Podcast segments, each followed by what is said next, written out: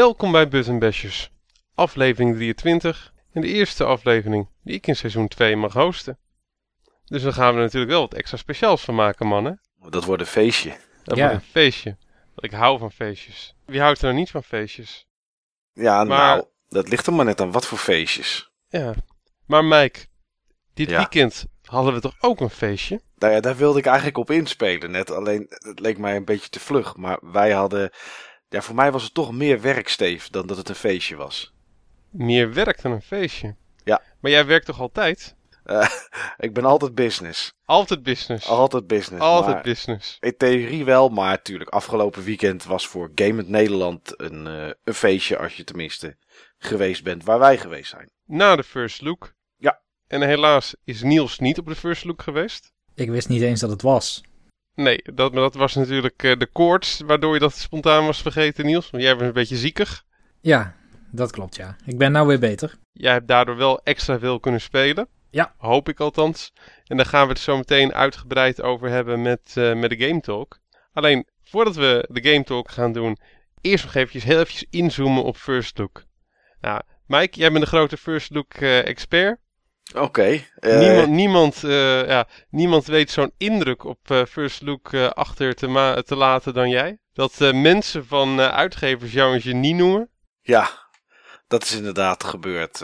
nou ja, mijn first look begon eigenlijk niet op zaterdag. Mijn Nee. first look begon al op, op vrijdagavond. Niet met het klootjesvolk, maar Nee. met de journalistieke gamegoden die gewoon al early access hebben. Nou, er waren vooral voor mijn gevoel veel winkels en er was eigenlijk van alles uitgenodigd. Maar vrijdagavond was er een, eh, ja, PlayStation 4 event waarbij Sony eh, diverse takken van de gamesport had uitgenodigd om alvast naar de jaarbeurs te komen en daar eh, de stand te, ja, de stand te overvallen van, van, van Sony die ze daar hadden. Dus alles wat er zaterdag en zondag te spelen was, dat konden wij nu ook spelen. Alleen in alle rust, zonder dat je daar uren voor in de rij moest staan. Dat is eh, veel waard. Want eh, voor mij, maar daar hebben we het zo meteen nog wel over, eh, was de first look vooral druk, drukker, drukst. Nee, dat was het inderdaad. Dat heb ik zaterdag heb ik dat ook wel gezien. Maar ja, goed. Dus toen had ik even alle rust om, om NEC te spelen. Ik heb Drive Club even gespeeld. Ik heb nog even PS Vita vastgehouden, want die heb ik zelf niet met Killzone. En ik heb ook nog een indie game gespeeld met een soort lintworm. Maar ik weet niet meer precies hoe dat heet. Maar dat- gelukkig wist, eh, wi- wist meneer Sony zelf dat ook niet precies toen ik het de dag later met hem erover had. Oké. Heb jij een van deze dingen ook gespeeld, eh Steven? Dan is Nee, het leuk om te even. nee. Je bent helemaal Eh, niet de PlayStation stand op geweest. Theoretisch ben ik de PlayStation stand niet op geweest. Maar ik heb wel toch naast de PlayStation stand zitten spelen. Oké, maar je hebt dus geen NEC of Drive Club gespeeld in dit geval. Ik heb geen NEC of Drive Club eh, gespeeld. Ik heb wel een PlayStation 4 controller in mijn handen gehad. Ja? En ik heb ehm, die game gespeeld, eh, die Playroom game met die Oh, robotjes. Ja. En die Playroom game met, eh, met die bedjes, zeg maar met dat eh airhockey. Ja. Voor de mensen die niet op First Look waren. Ja, de rijen. De rijen gingen echt helemaal nergens over. En de ergste rij, de ergste rij dat was bij, eh, bij Sony. Eh, daar moest je op het hoogtepunt 2 tot 2,5 uur wachten voordat je dan NEC of Drive Club kon spelen, een paar minuutjes. Ja, Microsoft had trouwens op zaterdag hetzelfde. Daar moest je twee uur in de rij staan om de, om de booth binnen te komen. En hetzelfde nadeel als wat je bij Sony hebt. Ja, dan moet je kiezen wat je wil spelen. En na 10 minuten moet je er weer uit. En wil je dus twee games bijvoorbeeld spelen bij Sony. Of je wil er twee spelen bij Microsoft. Moet je gewoon weer opnieuw in de rij. Nou, dank je koekoek. Dat, eh, aan dat soort eh, rijen heb ik in ieder geval eh, geen zin.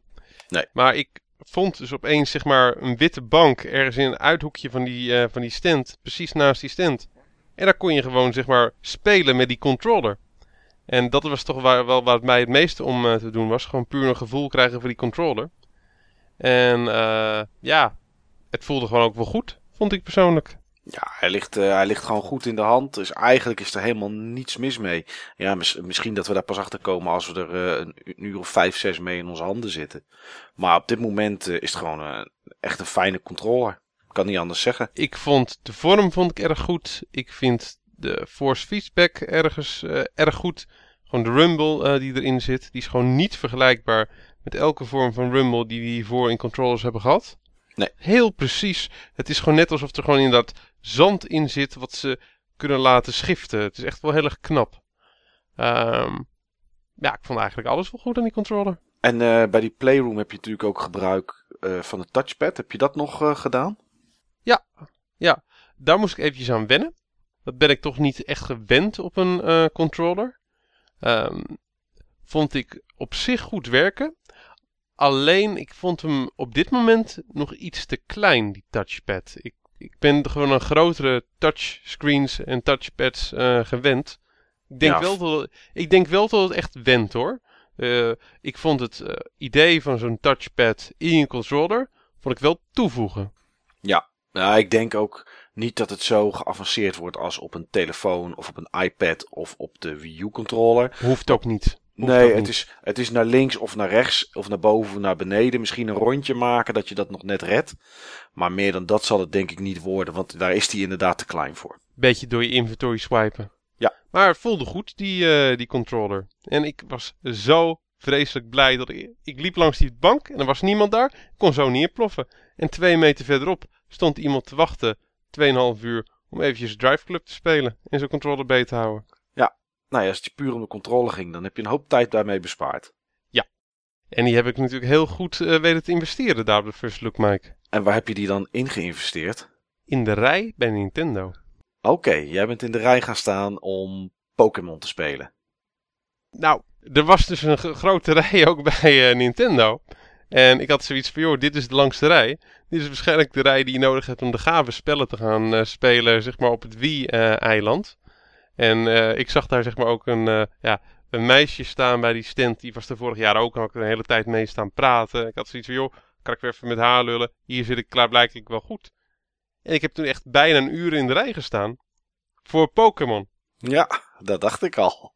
En ik heb helemaal niks met Pokémon. Dus ik stond tegen haar eh, te vertellen van... eh, ja, ja, ik kijk het meeste uit toch wel naar Mario Kart 8 en Super Mario 3D World. Daar ben ik toch wel heel benieuwd naar. Joh, eh, moet ik nu alvast kiezen welke ik ga spelen? Eh, die staat hier bij Pokémon. Oh. Ja, en daar waren volgens mij twee rijen voor. Een linker en een rechter, zeg ik even uit mijn hoofd. Maar het kan Zou ook zijn kunnen. dat, er, zou ook zijn dat er één, eh, dat er één was. Maar daar hoorde ik zaterdag ook van de dames van Nintendo. Dat er inderdaad mensen gewoon een uur in de rij stonden om eventjes 10 minuutjes Pokémon te spelen. Ik heb mijn eerste 10 minuten Pokémon ooit nu gespeeld. En, ga je hem zaterdag halen? Ja, absoluut. Absoluut. Toppetje. Ik kan niet voorstellen dat ik deze gameserie zo lang eh, niet eh, gespeeld heb. Dat ik me altijd aan me voorbij heb laten gaan. Oké, nou dat is in Wat ieder een geval... troep vond ik die het. Echt, jongen. Echt. Wat een game. Een beetje door dat gras lopen. Wachten tot er weer zo'n een of ander beest komt. Wat je met dat balletje kan vangen op het moment dat ze wat verzwakt zijn. Nou, ik vond er werkelijk waar geen hol aan. Ja, Ik snap er echt helemaal niks van waarom deze game de harten van, eh, van alles wat zeg maar na mij geboren is, heeft veroverd. Ik heb er helemaal niks mee. Ja, gotta catch 'em all. Ik denk dat dat Ja. het idee is. Ja, dat heb ik dan toch meer met vrouwen. Ja, Nee, maar eh, ja, in ieder geval aan vrouwelijk schoon was er dit keer toch ook wel echt een gebrek. Ehm, ja ik Normaal kijk daar natuurlijk niet. het... Ja, jij kijkt daar niet naar, eh Mike. Dat weten we. Maar eh, ik denk dat eh, de gamers die daar meer op uit zijn... Ik overigens niet, want ik vind het allemaal wel een beetje, beetje cheap. Maar ik moet zeggen, het viel me wel echt op dat het beduidend minder boefbabes eh waren dan vorig jaar. Nou ja, wat mij opviel aan, aan, aan babes, als je ze zo mag noemen, is dat bijvoorbeeld GameKings heeft elk jaar hebben die zo'n setje van drie of vier rondlopen. En die hadden zelf ook helemaal niets. En dat is toch de organisator. Natuurlijk, het is Blemmo Events, maar GameKings is van Blemmo, dus het zijn dezelfde mannen. Maar die hadden ook, ook helemaal geen dames rondlopen ter promotie van hunzelf. Of ik heb ze helemaal gemist, dat kan ook. Maar Dat kan ook. het, eh, Ik denk dat de centjes een beetje op zijn, Mike. dat denk ik ook. Het voegt namelijk helemaal niks toe. En mensen staan toch wel in de rij voor je game. Dus waarom zou je het doen? Eh, Logitech had het wel. En Asus, volgens mij. En, Ja, eh, maar dat zijn saaie merken waarvan je gewoon überhaupt afvraagt waarom ze er überhaupt staan. Nou ja, dat is Met ook die zo. videokaartjes en, eh, en die controllers. Ja, en mannen die met stikstof processors gaan koelen. Ja, dat is, uh, die hebben dat gewoon echt nodig om mensen hun tent in uh, te lokken. Ja, want anders komt er niemand kijken. Ja, net als de VOC gewoon mensen dronken moest voeren om een kruisje te zetten voor dat schip. Nou, ik denk dat het hier precies hetzelfde werkt inderdaad. Ja. Maar wat heb je nog meer? Heb je nog meer gespeeld daar, uh, Stefan? Want er was natuurlijk ja. genoeg. Ja, nou ik moet zeggen, het meeste wat ik gespeeld heb was allemaal bij Nintendo. Oké. Okay. daarna ben ik nog eventjes naar een andere rij gegaan, maar die wil ik heel eventjes parkeren voor ons hoofdonderwerp van vandaag. Oké. Okay. Oeh, spannend. En daarna zijn we nog eventjes de beurs overgelopen. De maten met wie ik was en ik. En waren we eigenlijk tot de conclusie gekomen dat er echt heel weinig te beleven viel. En bijna niks te spelen, want overal stonden zulke lange rijen. En toen kwamen we weer terug bij het Nintendo-eiland aan de andere kant. Bij het Wii U-gedeelte. En daar waren helemaal geen rijen meer. Oké. Okay. Alsof, alsof niemand die dingen wou spelen. Nou, zou zomaar wel eens kunnen natuurlijk. Ja, maar wij uiteraard wel. Want zo zijn wij dan ook wel weer. En daar heb ik toch wel aardig wat dingetjes gespeeld. Donkey Kong Tropical Freeze, Mario Kart 8 en Sonic the Lost World. Oké. Okay. En een korte impressie van wat je gespeeld hebt? Mario Kart 8 vond ik echt erg leuk. Het is gewoon Mario Kart. Het is gewoon een kruising tussen Mario Kart 7 en Mario Kart op de Wii. Nou, dat waren allebei hele goede delen. Vond ik, met name Mario Kart 7. Het zag er ook goed uit. Ja. Donkey Kong Tropical Freeze, die vond ik tegenvallen. Dat vond ik gewoon, uh, ja, uh, Donkey Kong op de Wii en de 3DS, maar dan in 27p. Uh, het was duidelijk van dat uh, dat geen 1080p game was. het zag er ook erg kartelig uit. Ik vond echt, ja, hij zag er nog erg ruw uit. Ik hoop van dat, dat ze daar nog wat grafische dingetjes aan, aan verbeteren. Hij is uitgesteld tot in 2014, hè? Heb je een idee waarom? Weet ik. Um, nou, ik hoop dat ze hem zeg maar, grafisch nog wat meer willen polishen. Oké. Okay. Uh, we gaan het zien. Maar uh, ik was er in ieder geval niet rouwig om. Ik, ik voelde gewoon zeg maar als uh, eerste Donkey Kong Returns. En die moet ik nog uitspelen op de, op de 3DS. Als ik eraan zou willen beginnen. Ja. En uh, ja, ik weet me daar wel mee te vermaken. En ja, voor de rest als, uh, als tweede platform game heb ik ook nog uh, Sonic uh, gespeeld. Sonic Lost World. Ook op de Wii. Ik weet het niet, Mike. Heb jij, die, heb jij die gespeeld, toevallig? Ja, niet afgelopen weekend. Ik heb het bij uh, Nintendo gespeeld, even twee leveltjes, heel kort. Ja. En um, als je niet de extra's en dat soort dingen wil pakken, dan, uh, dan zit er wel, kan er wel een hoop snelheid in zitten. Maar ik weet het ook niet helemaal wat dit uh, wordt. Ik ben bang, als ik heel eerlijk ben, dat het de volgende middelmatige Sonic game gaat worden. Ja. Dat zou zomaar kunnen. Ik heb het echt misschien een minuutje of drie gespeeld. Niet meer dan dat dus. Ik heb uh, ook wat levels gezien. Nou, dat, dat level design was echt heel slecht. Uh, er waren ook echt totaal geen andere achtergronden of iets dergelijks. Uh, het was gewoon Super Mario Galaxy. Alleen dan gewoon veel leger. Hele kleine eilandjes die ergens in de middle of nowhere zweefden. En een soort met van pastelschilderij als achtergrond. Maar helemaal geen gelaagdheid. Met dingen die je, met elementen die je nog op de achtergrond zag, waar je dan naartoe ging. Nee, het voelde echt alsof. Het voelde echt als een hele uitgeklede versie van Mario Galaxy. Oké. Okay. En ik heb ook een level gespeeld. Dat was dan wel heel erg gaaf. Dat was zeg maar. Uh, ja, de, de Wii U-versie van, uh, van Green Hill. En die vond ik echt wel heel erg mooi. Maar dat, die andere levels die ik gezien heb. Nee, nee, nee. Dat, uh, dat, dat, gaf, dat kon mij niet bekoren. Oké. Okay. Ben benieuwd. We gaan het zien. Maar dat is eigenlijk wel zo'n beetje wat ik heb gespeeld. Uh, voor de rest heb ik me niet echt aan dingen gewaagd. Ik had het gevoel dat mijn tijd uh, kostbaarder was uh, dan dat.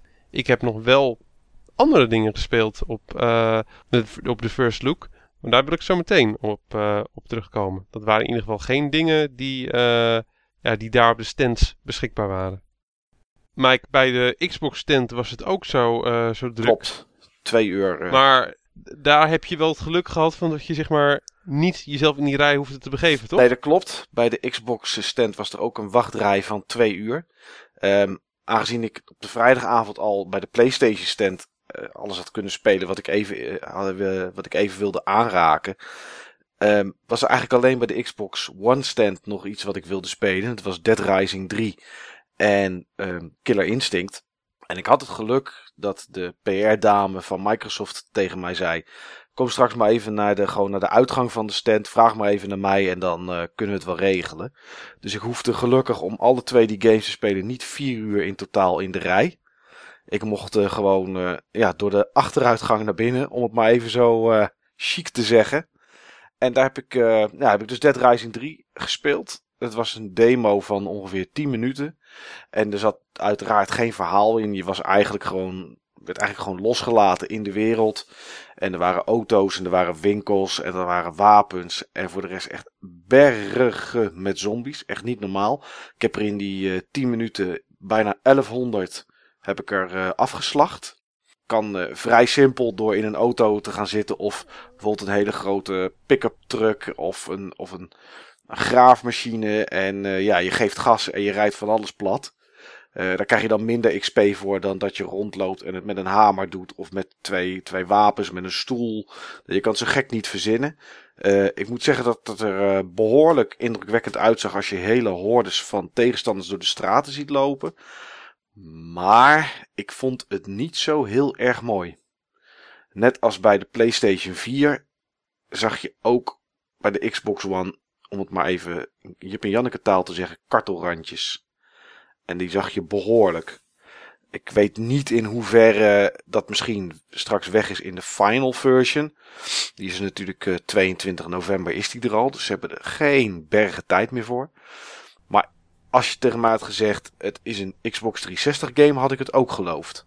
Los van de gigantische schaal Ja, dan. En die, is, die eigenlijk gewoon op de Xbox 360 Nee, bijna dat, niet mogelijk dat had hij niet getrokken. Maar hoe de grafisch qua kwaliteit uitzag.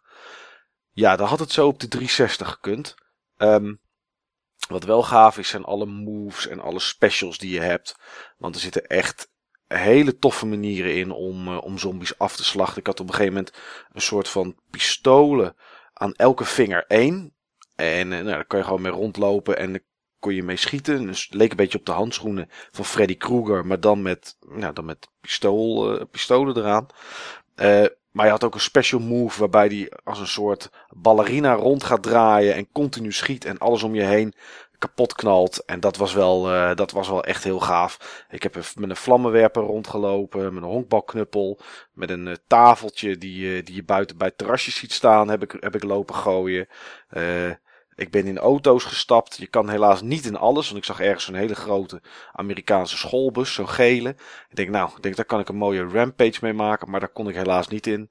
En eh, ja, na 10 minuten rondlopen en alles kapot hakken was dat eh, klaar.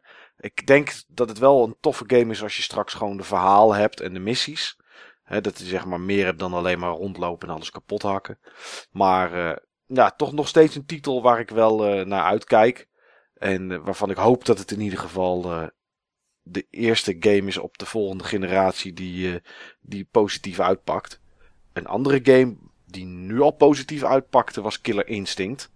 Dat heb ik even tegen, ja, tegen een collega zeg maar gespeeld. En dat was voor mijn gevoel toch wel ouderwets rammen. Helaas kreeg ik er geen 80 hit combo uit. Ik ben ergens tot, tot de 20 gekomen. En ook, Ook al netjes, netjes. Ja, maar dat voelt wel echt weer als ja, gewoon dat je gewoon iets bereikt hebt in die game. Hij ziet er soepel, soepel uit. Het, is, het oogt goed. Ehm, heeft ook een beetje kartelrandjes. Dus de AA lijkt niet op zijn maximaal te staan of te kunnen. Is ook maar 27p en je staat wel Ja, dicht op, dat is hè? natuurlijk zo. Je zit, nou ja, misschien een centimeter of twintig van die tv af. Dus ja, dat, is, hè, dat, dat krijg je dan al snel. Maar als je aan het spelen bent, zie je het niet. Omdat de game echt enorm snel is. Eh er waren- zaten maar drie, eh, drie speelbare personages in nu. Eh, en, en een paar stages. Maar goed, voor het gevoel was het gewoon, was het gewoon goed. En, en is dit wel een titel die ik... hij is straks free-to-play. En je- Er komen dan nog twee packs bij die je kan kopen. Een van 20 dollar en een van 40. En het zou zomaar wel eens kunnen dat... Ik weet niet of die omgezet worden één op één naar euro's. Waarschijnlijk wel. Dat ik toch, ondanks dat die gratis is... eh, de pack koop van 40 euro. En dat ik alles compleet heb straks. Dat je alle zes karakters hebt. Ja, die zitten eh, bij alle twee in. Ehm, maar er zat nog iets extra's in de pack van 40. Er zat de originele Killer Instinct zat daarin. Ehm Skins van de originele karakters. Ja. En eh, story mode, waar jij zo fan van ja, bent. met een fighter ben ik daar wel fan van. Not. Maar goed, ik, eh, ja, ik moet even kijken. Het zou zomaar kunnen dat ik die koop. Maar het is, ik vond het in ieder geval eh, ik vond het tof om eventjes te spelen. Controle ligt ook erg fijn eh, in, je, in je handen. Het zijn grotere triggers. Dat is wel, dat is, ja, en je, en je vingers liggen er gewoon echt heel mooi in. Het, is, het past gewoon. Net als de PlayStation 4. Ik zou nu niet weten welke controle van de twee ik prettiger vind. Want ik vind ze alle twee erg goed in de hand liggen. Je moet ze gewoon wat langer uh, de kans geven. Ja, ja.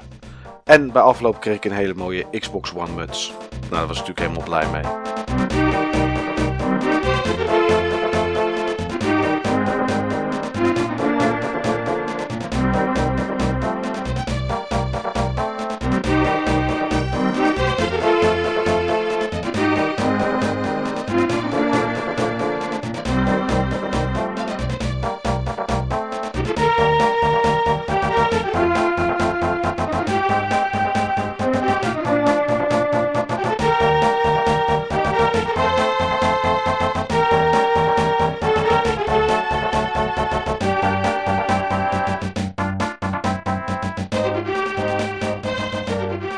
Jouw stem heb ik nog uh, weinig gehoord. Uh, want die first look, ja, die is natuurlijk volledig aan jou uh, voorbij gegaan. Tja, ik lag grotendeels in bed afgelopen week. Dus ik heb voornamelijk draagbare of semi-draagbare games gespeeld. Ik had het de vorige keer al heel even gehad over Nieuw Super Mario Bros. 2. Nou, die heb ik uitgespeeld inmiddels. En ik vind het nog steeds een matige game. Ik vind het bijna geen Mario-naam waard, eigenlijk toch is het een main platformer, maar het is wel duidelijk dat het door een soort ander team is gemaakt dan bijvoorbeeld die op de Wii U of uh, New Super Mario 3D het. Galaxy Team. Dan het Galaxy Team ook. Maar ook dan uh, New Super Mario Bros. U bijvoorbeeld. Dat is ook een ander team geweest. Want die is niet uh, van het Galaxy Team. Nee, inderdaad. Ja, het is, het is, het is zonde. Ja, dat, dat is het nadeel van op het moment dat je die franchises zo lang uitmelkt. Dan zit er af en toe wel eens een keer een slechte tussen. Ja, waar nog geen slechte tussen zit, is uh, Pikmin. Ik ben verder gegaan met Pikmin 3. Ja. Uh, ik had de vorige keer dat ik het over deze game heb gehad, eigenlijk het alleen over de multiplayer gehad. Maar ik ben nu met de singleplayer bezig. En ik zou Pikmin dan toch omschrijven als de Luigi's Mansion 2 van de Wii U. Dus een goede, polished game, maar geen hele bijzondere game. Oké, dat is zonde. Ja, dat is zonde inderdaad. Maar ik heb dan liever dat mensen gewoon de hele goede en wel heel bijzondere game, The Wonderful 101, gaan spelen. Waar ik natuurlijk ook weer verder in ben. Ik ben uh, in missie 006B. Ik weet niet hoeveel missies er zijn, maar 006B. Dan heb je al een uur of, ik denk 10, 11 uur gespeeld, zoiets. En het wordt soms bijna een andere game. En dat bedoel ik dan heel positief het is echt een Nintendo franchise. Het is niet een Nintendo ontwikkeld, maar wel een Nintendo franchise. Het is een Nintendo IP. En dat begin je ook op een gegeven moment te zien aan een aantal ontwerpdingen. Die refereren toch sterk naar bepaalde oude NES, SNES tijdperk Nintendo games. En dat is best wel verrassend om dat tegen te komen in zo'n spel. Daar uh, brengt uh, Platinum een stukje hommage aan. Absoluut. Absoluut een hommage is het. En uh, ik hoop ook echt dat dit uit kan groeien tot een franchise als Platinum nog een keer de kans krijgt om een vervolg te maken. Ik zou hem nu al pre-orderen als het zo was. Oké. Oké, nou dat is wel goed, uh, goed om te horen. Maar dat als is een je, goede zaak. Als je het nu zelf dan speelt en je zou denken aan een tweede deel, wat zouden ze bijvoorbeeld erbij kunnen halen om het interessanter te maken weer? Om, dat, om het niet het gevoel te krijgen dat het meer is van mhm. hetzelfde. Nou, de game is sowieso al niet meer van hetzelfde, want je hebt steeds drie sublevels in één missie. Dus missie 1 heb je en uh, bijvoorbeeld sublevel A van missie 1 was de demo op de Wii U. Dus die heb je dan theoretisch al gespeeld als je die demo al een keer hebt gedaan. dan heb je ook nog een, uh, een level B en een level C. En level C is meestal een grote eindbaas verslaan. Nou, de eerste twee grote missies, dan heb je dus zes van die stukken gespeeld die lijken jou voor te bereiden of te trainen om de mechanics onder de knie te krijgen. Ik lees wel eens dat het spel niet erg duidelijk is en wat je nou precies moet doen. Maar dat is ook omdat het spel eigenlijk, in, vooral in het begin, het is jou al aan het leren hoe het werkt. Het is de tutorial. Maar je hebt het als speler niet door. En omdat je, ja, toch wel wordt beoordeeld op jouw performance tijdens het spelen, voelt het wel alsof er informatie eh, aan je weerhouden is. Maar het blijkt dus dat uh, een aantal missies verderop, dan doe je veel meer dan wat je in het begin van het spel dacht te gaan doen. Dus dan is het meer dan vechten alleen. Oké, het wordt dus wel echt uitgebouwd. Ja, het wordt uh, heel erg uitgebouwd. Ik, uh, ik wil er niet te veel over zeggen, want het is heel moeilijk om deze game om er wat over te zeggen zonder ja, de belangrijke en de mooie dingen eraan te spoilen. Ja, dus dat hoef je ook niet te doen, uh, Niels. Het is duidelijk. Je bent gewoon heel enthousiast en je vindt dat iedereen met een Wii U moet spelen.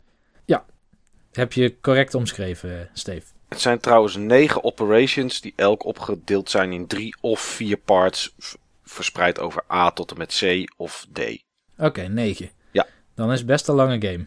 Ja, ja ik, ik, ik lees hier dat het ongeveer 15 tot 20 uur uh, uitspeelt. Um, dat je daar de tijd voor nodig hebt als je de story voor de eerste keer gaat uitspelen. Ah, ja. Ga hem binnenkort een kans geven, Niels. Nou, er is nog één game waar ik het heel kort nog even over wil hebben. Dat is namelijk de eerste game volgens mij waar ik het ooit over heb gehad bij Burton Bashers. Daar ben ik aan verder gegaan. En dat is Dragon Quest 6. Dat hebben we het inderdaad wel eens over gehad. Want aan de hand daarvan was ik Dragon Quest 8 gaan spelen. Toen. Dat zou uh, zomaar kunnen, dat dat de eerste game uh, was. Dat zat wel inderdaad in de eerste aflevering. Ja. Ja, ik had natuurlijk nu veel tijd om uh, dit soort spellen te spelen. Van die RPG's waar je flink veel tijd in moet steken. En Dragon Quest 6 is apart in de zin van dat je voor je gevoel het spel hebt uitgespeeld en dat dat dan de intro was. Dus de intro duurt meer dan 10 uur. En dan kom je in het casino, toch? Er is bij uh, Dragon Quest 6 al een casino in de intro. Oké. Okay. Dragon Quest 6 is echt een absurd lang spel. Het is moeilijk om snel uit te spelen. Ja, dat is denk ik de, de truc die men toen heeft uitgevoerd. Net als Final Fantasy 3 bijvoorbeeld. Als jij op een gegeven moment dan, dan denk je, nou heb ik alles gezien van de kaart en dan blijkt er nog een kaart te zijn. Zo heeft uh, Dragon Quest 6 dus dat je denkt, nou heb ik de laatste eindbaas verslagen. Het heeft best lang geduurd, het was moeilijk, ik heb gegrind, ik heb heel veel spels. En het spel begint ineens pas. Tja, het zal nog lang duren voor ik het nog een keer over Dragon Quest 6 heb. Maar als ik de volgende keer dat ik het over dit spel heb, dan uh, gaat het denk ik over dat ik het heb uitgespeeld. Ergens in seizoen 6. Gaat ongetwijfeld nog eventjes duren. En wat heb jij zelf gespeeld, Steve? Nou, ik heb in ieder geval op de first look heb ik meer gespeeld dan uh, alleen wat daar ter beschikking werd gesteld. Ik uh, wist natuurlijk dat ik lang in de rij zou uh, moeten staan op veel plekken. En ik wist ook dat er veel mensen waren met een 3DS. En ik heb expres voor de first look nog eventjes de Street Pass Plaza games gedownload. Die je tegenwoordig kan downloaden. Vier minigames die je kan kopen voor zo'n 5 euro per stuk. Kan kopen in een bundel voor 15 euro per stuk. En die zijn erg leuk. Zijn zeker erg leuk. Er zijn vier verschillende. Een, uh, een space shooter. Die heet volgens mij Station, maar dat weet ik niet 100% zeker. Een um, strategy uh, game waarbij je een leger op moet uh, bouwen. die heet volgens mij Battle. Garden, waarin je plantjes moet op laten groeien en moet, moet verzamelen. Die is echt werkelijk waar afschuwelijk. Dat is echt een draak van een game. Um, dus eigenlijk maakt het geen ene reet uit of je zeg maar die bundel koopt of dat je ze loskoopt. Deze game wil je toch niet, uh, niet spelen. Dus op het moment dat je gewoon eventjes eentje wil kopen om te proberen, koop een van de, uh, van de andere. En als je er dan toch eentje koopt, koop dan degene die ik nog niet genoemd heb. Koop dan Mansion. Wat is de bedoeling van Mansion? Nou, je zit in een, uh, ja, in een grote, grote villa, in een mansion, in een, uh, in een spookachtig bos. Het spookte ook in die mansion. En die mansion die heeft 30 verdiepingen die je spookvrij moet, uh, moet maken. En je moet zeg maar die 30, uh, 30ste verdieping zien, uh, zien te bereiken. En dat doe je door stukjes neer te leggen, waardoor je een gedeelte van de verdieping kan, kan betreden.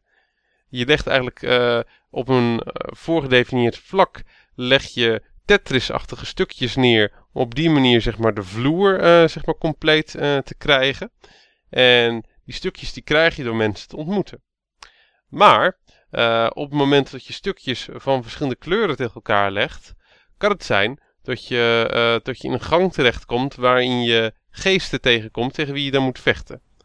En dat is met een soort van real-time timing systeem dat je tegen ze vecht. je moet schieten, je kan verdedigen Je hebt nog wat items die je kan eh, gebruiken. Dat is niet turn-based, maar dat is gewoon allemaal real-time. Dat, dat is in ieder geval wel heel erg leuk. Het verzamelen van de stukjes en bedenken op welke verdieping je ze het beste neer kan leggen is erg leuk. Want als je eenmaal zeg maar op verdieping 4 of 5 zit bijvoorbeeld, dan kan je nog terug naar de onderliggende verdiepingen en daar eh, de vloer extra compleet maken. Eh, je hebt allemaal dingen om te verzamelen, allemaal dingen om te upgraden. Het is gewoon heel erg Oké, uitgebreid. en de eerste keer dat ik het zag, leek het mij gewoon een beetje op die, eh, die quest die je standaard al hebt. Van de, eh, van, de, van de verdiepingen en kamers die je af moet gaan om de tegenstanders, zeg maar, eh, te verslaan. Is het niet. Is er niet. Er komt veel meer bij kijken Oké. en veel meer vrijheid. Zeer leuk. Ik kan hem echt aanbevelen voor die 5 euro. Iedereen die zeg maar een 3DS heeft en er regelmatig mee eh, on the move is, waarbij ook mensen tegenkomen, kan ik hem eh, echt aanbevelen om te downloaden. Heb je je 3DS al thuis liggen? Ja, dan gaat het hem niet worden, want dan kun je gewoon geen stukjes Nee, verzamelen. maar er was eh, genoeg de street pass op eh, First Look. Ja, ja, dus dat had ik eh, ja, goed bedacht. Ik ga het een kans geven. Voor de rest heb je niks gespeeld? Eh, voor de rest heb ik nog wel één ander ding eh, gespeeld, eh, ja, Mike. En eh, dat is denk ik ook een hele mooie brug. Want ik weet dat jij eh, eigenlijk eh, niks gespeeld hebt, toch? Naast de dingen die je Nee, op First nee Look ik heb geen hebt. tijd gehad deze week. Ja, hetgeen wat ik namelijk gespeeld heb, dat is, één, dat is een titel waarvan jullie een paar weken geleden aan mij vroegen of ik hem niet kon tekenen voor de team om die te spelen. En dat heb ik, dat heb ik gewoon gedaan. Want ik neem er gewoon heel graag eentje voor het Dan team. ben ik toch benieuwd welke game zo afschuwelijk in, in Niels en mijn ogen was, dat jij die voor het team hebt getekend. Ja, dat was, eh, dat was eh, Zelda The Wind Waker op de Wii U. Oh. En dat brengt ons direct op ons eh, grote hoofdonderwerp Zelda.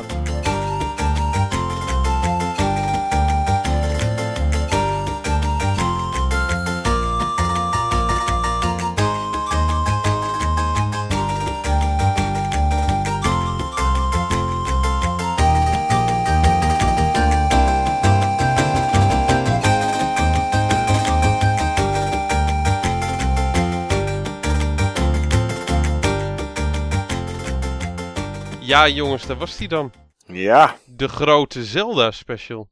Het moest er een keer van komen moest er een keer van komen, ja. maar niet zo groot. Nou, eigenlijk groter nog, moet ik zeggen.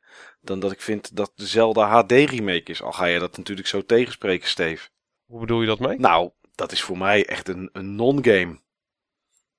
En jij hebt het... Ja, maar dat ga ik zo meteen uitgebreid tegenspreken. Daarvoor, dat is de reden ook waarom we deze, waarom we deze special nu hebben getimed, toch? Ja, ja, maar ik ben benieuwd of je, Om mij, hieraan op te hangen. of je mij kan overtuigen, ben ik benieuwd. Nou, we gaan het zien, we gaan het zien. Maar ik denk dat puur alleen al vanwege de naam Zelda eh, we toch een boel extra luisteraars op deze editie van Button Bashers gaan, eh, gaan krijgen. Zelda is toch gewoon een hele geliefde franchise. Een van de meest geliefde franchises. En daar heb ik direct al de eerste vraag eh, te pakken, Niels. Want ik stel hem aan jou. Waarom is Zelda zo geliefd? ja. Dat is een goede vraag. Ik heb daarover na zitten denken. En ik denk dat Zelda gewoon op het juiste moment een aantal nieuwe dingen heeft geïntroduceerd. En bij Zelda games, in ieder geval aan de meeste Zelda games, hebben ze altijd echt heel hard doorgewerkt. Dus er zit niet echt een, eh, een slechte game tussen. Misschien soms een mindere game voor Zelda begrippen, maar nooit een slechte game. En wat ik bedoel bij die dingen, dat ik net zei van eh, dat het nieuwe dingen heeft geïntroduceerd. Het had natuurlijk een grote soort van action RPG-achtig karakter met een overworld en dat je dan dungeons inging, waarin je aparte wapens kreeg en alles was action-oriented, dus geen menustructuur om een aanval te doen, maar je kon het direct doen. Is wel eens vaker gedaan natuurlijk, maar in Zelda werkte het heel soepel. Het scrolde lekker, het ging fijn. Wat ik ook denk dat meetelt, is dat Hyrule een best leuke game world is. Ehm, hij is niet zo erg geïnspireerd op Tolkien als je bijvoorbeeld ziet bij games eh, van het Warcraft-universum. Het zijn toch meer over eh, orks en trollen en dat soort dingen. Eigenlijk bijna niet. Nee, ja, elfjes. Dat, eh ja, elfjes. Kokiri, oké, het zijn eigenlijk geen elfjes. Tolkien heeft de elfjes ook niet uitgevonden, hè? Maar ik denk dat, eh, dat, dat Hyrule een hele mooie IP is. En dat mensen het ook niet zo erg vinden. Want ja, The Legend of Zelda, om een of andere reden, is er elke keer een prinses die gered moet worden door een Link. Ja, en dat brengt ons direct op een van de meest interessante uh, aspecten van die, uh, van die reeks. Mario Bros. Speel je Mario. Mega Man. Speel je Mega Man. The Legend of Zelda. Je speelt niet al Zelda. Nee, je bent altijd, je bent altijd een Link. Ja. Er zijn genoeg kinderen die, gewe die dachten van dat, uh, dat de held Zelda heet. Maar dat, dat is natuurlijk niet zo. Eigenlijk heet hij gewoon zoals je wilt dat hij heet. Ja, want er is eigenlijk geen naam. Als je het zo bekijkt. Bij mij heet hij altijd Niels, in ieder geval. Bij mij heet hij ook meestal gewoon Steve. En bij mij heet hij toch echt gewoon altijd Link. Ik... Ja, dat is eigenlijk wel puristisch. Hè? Ja, maar ik... maar ik hoef niet zelf de held te zijn. Uh, ik vind het fijn als dat, dat in een game een keer niet zo het geval is dat ik de held ben.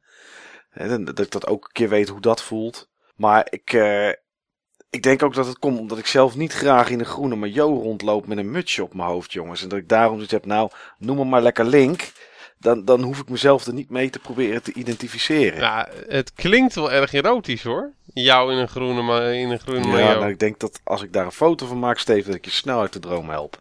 Waarschijnlijk, ja. ja. Weet je wat ik ook denk dat het is met Link? Het is een soort blank slate karakter, hè. In de eerste paar games had hij niet echt een backstory. Zelda had een backstory, maar Link was gewoon een dude die Zelda ging redden. En eigenlijk kreeg je van de backstory van Zelda ook weinig mee hoor. Dat was gewoon een verhaaltje in de handleiding in het spel zelf. Merk je er helemaal niks van. Bij de eerste twee delen dan natuurlijk. Pas vanaf A Link to the Past kreeg je echt een verhaal in de game zelf. Ja. Maar ik denk hè, ik denk dat Zelda, of wij zijn net van waar, aan nieuws, waarom is het zo populair geworden? Of is het nog steeds?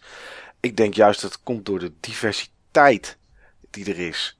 Het is wel elke keer een link en het is Zelda. En het zijn uh, doorgaans dezelfde soort wapens of, of hulpmiddelen die je hebt.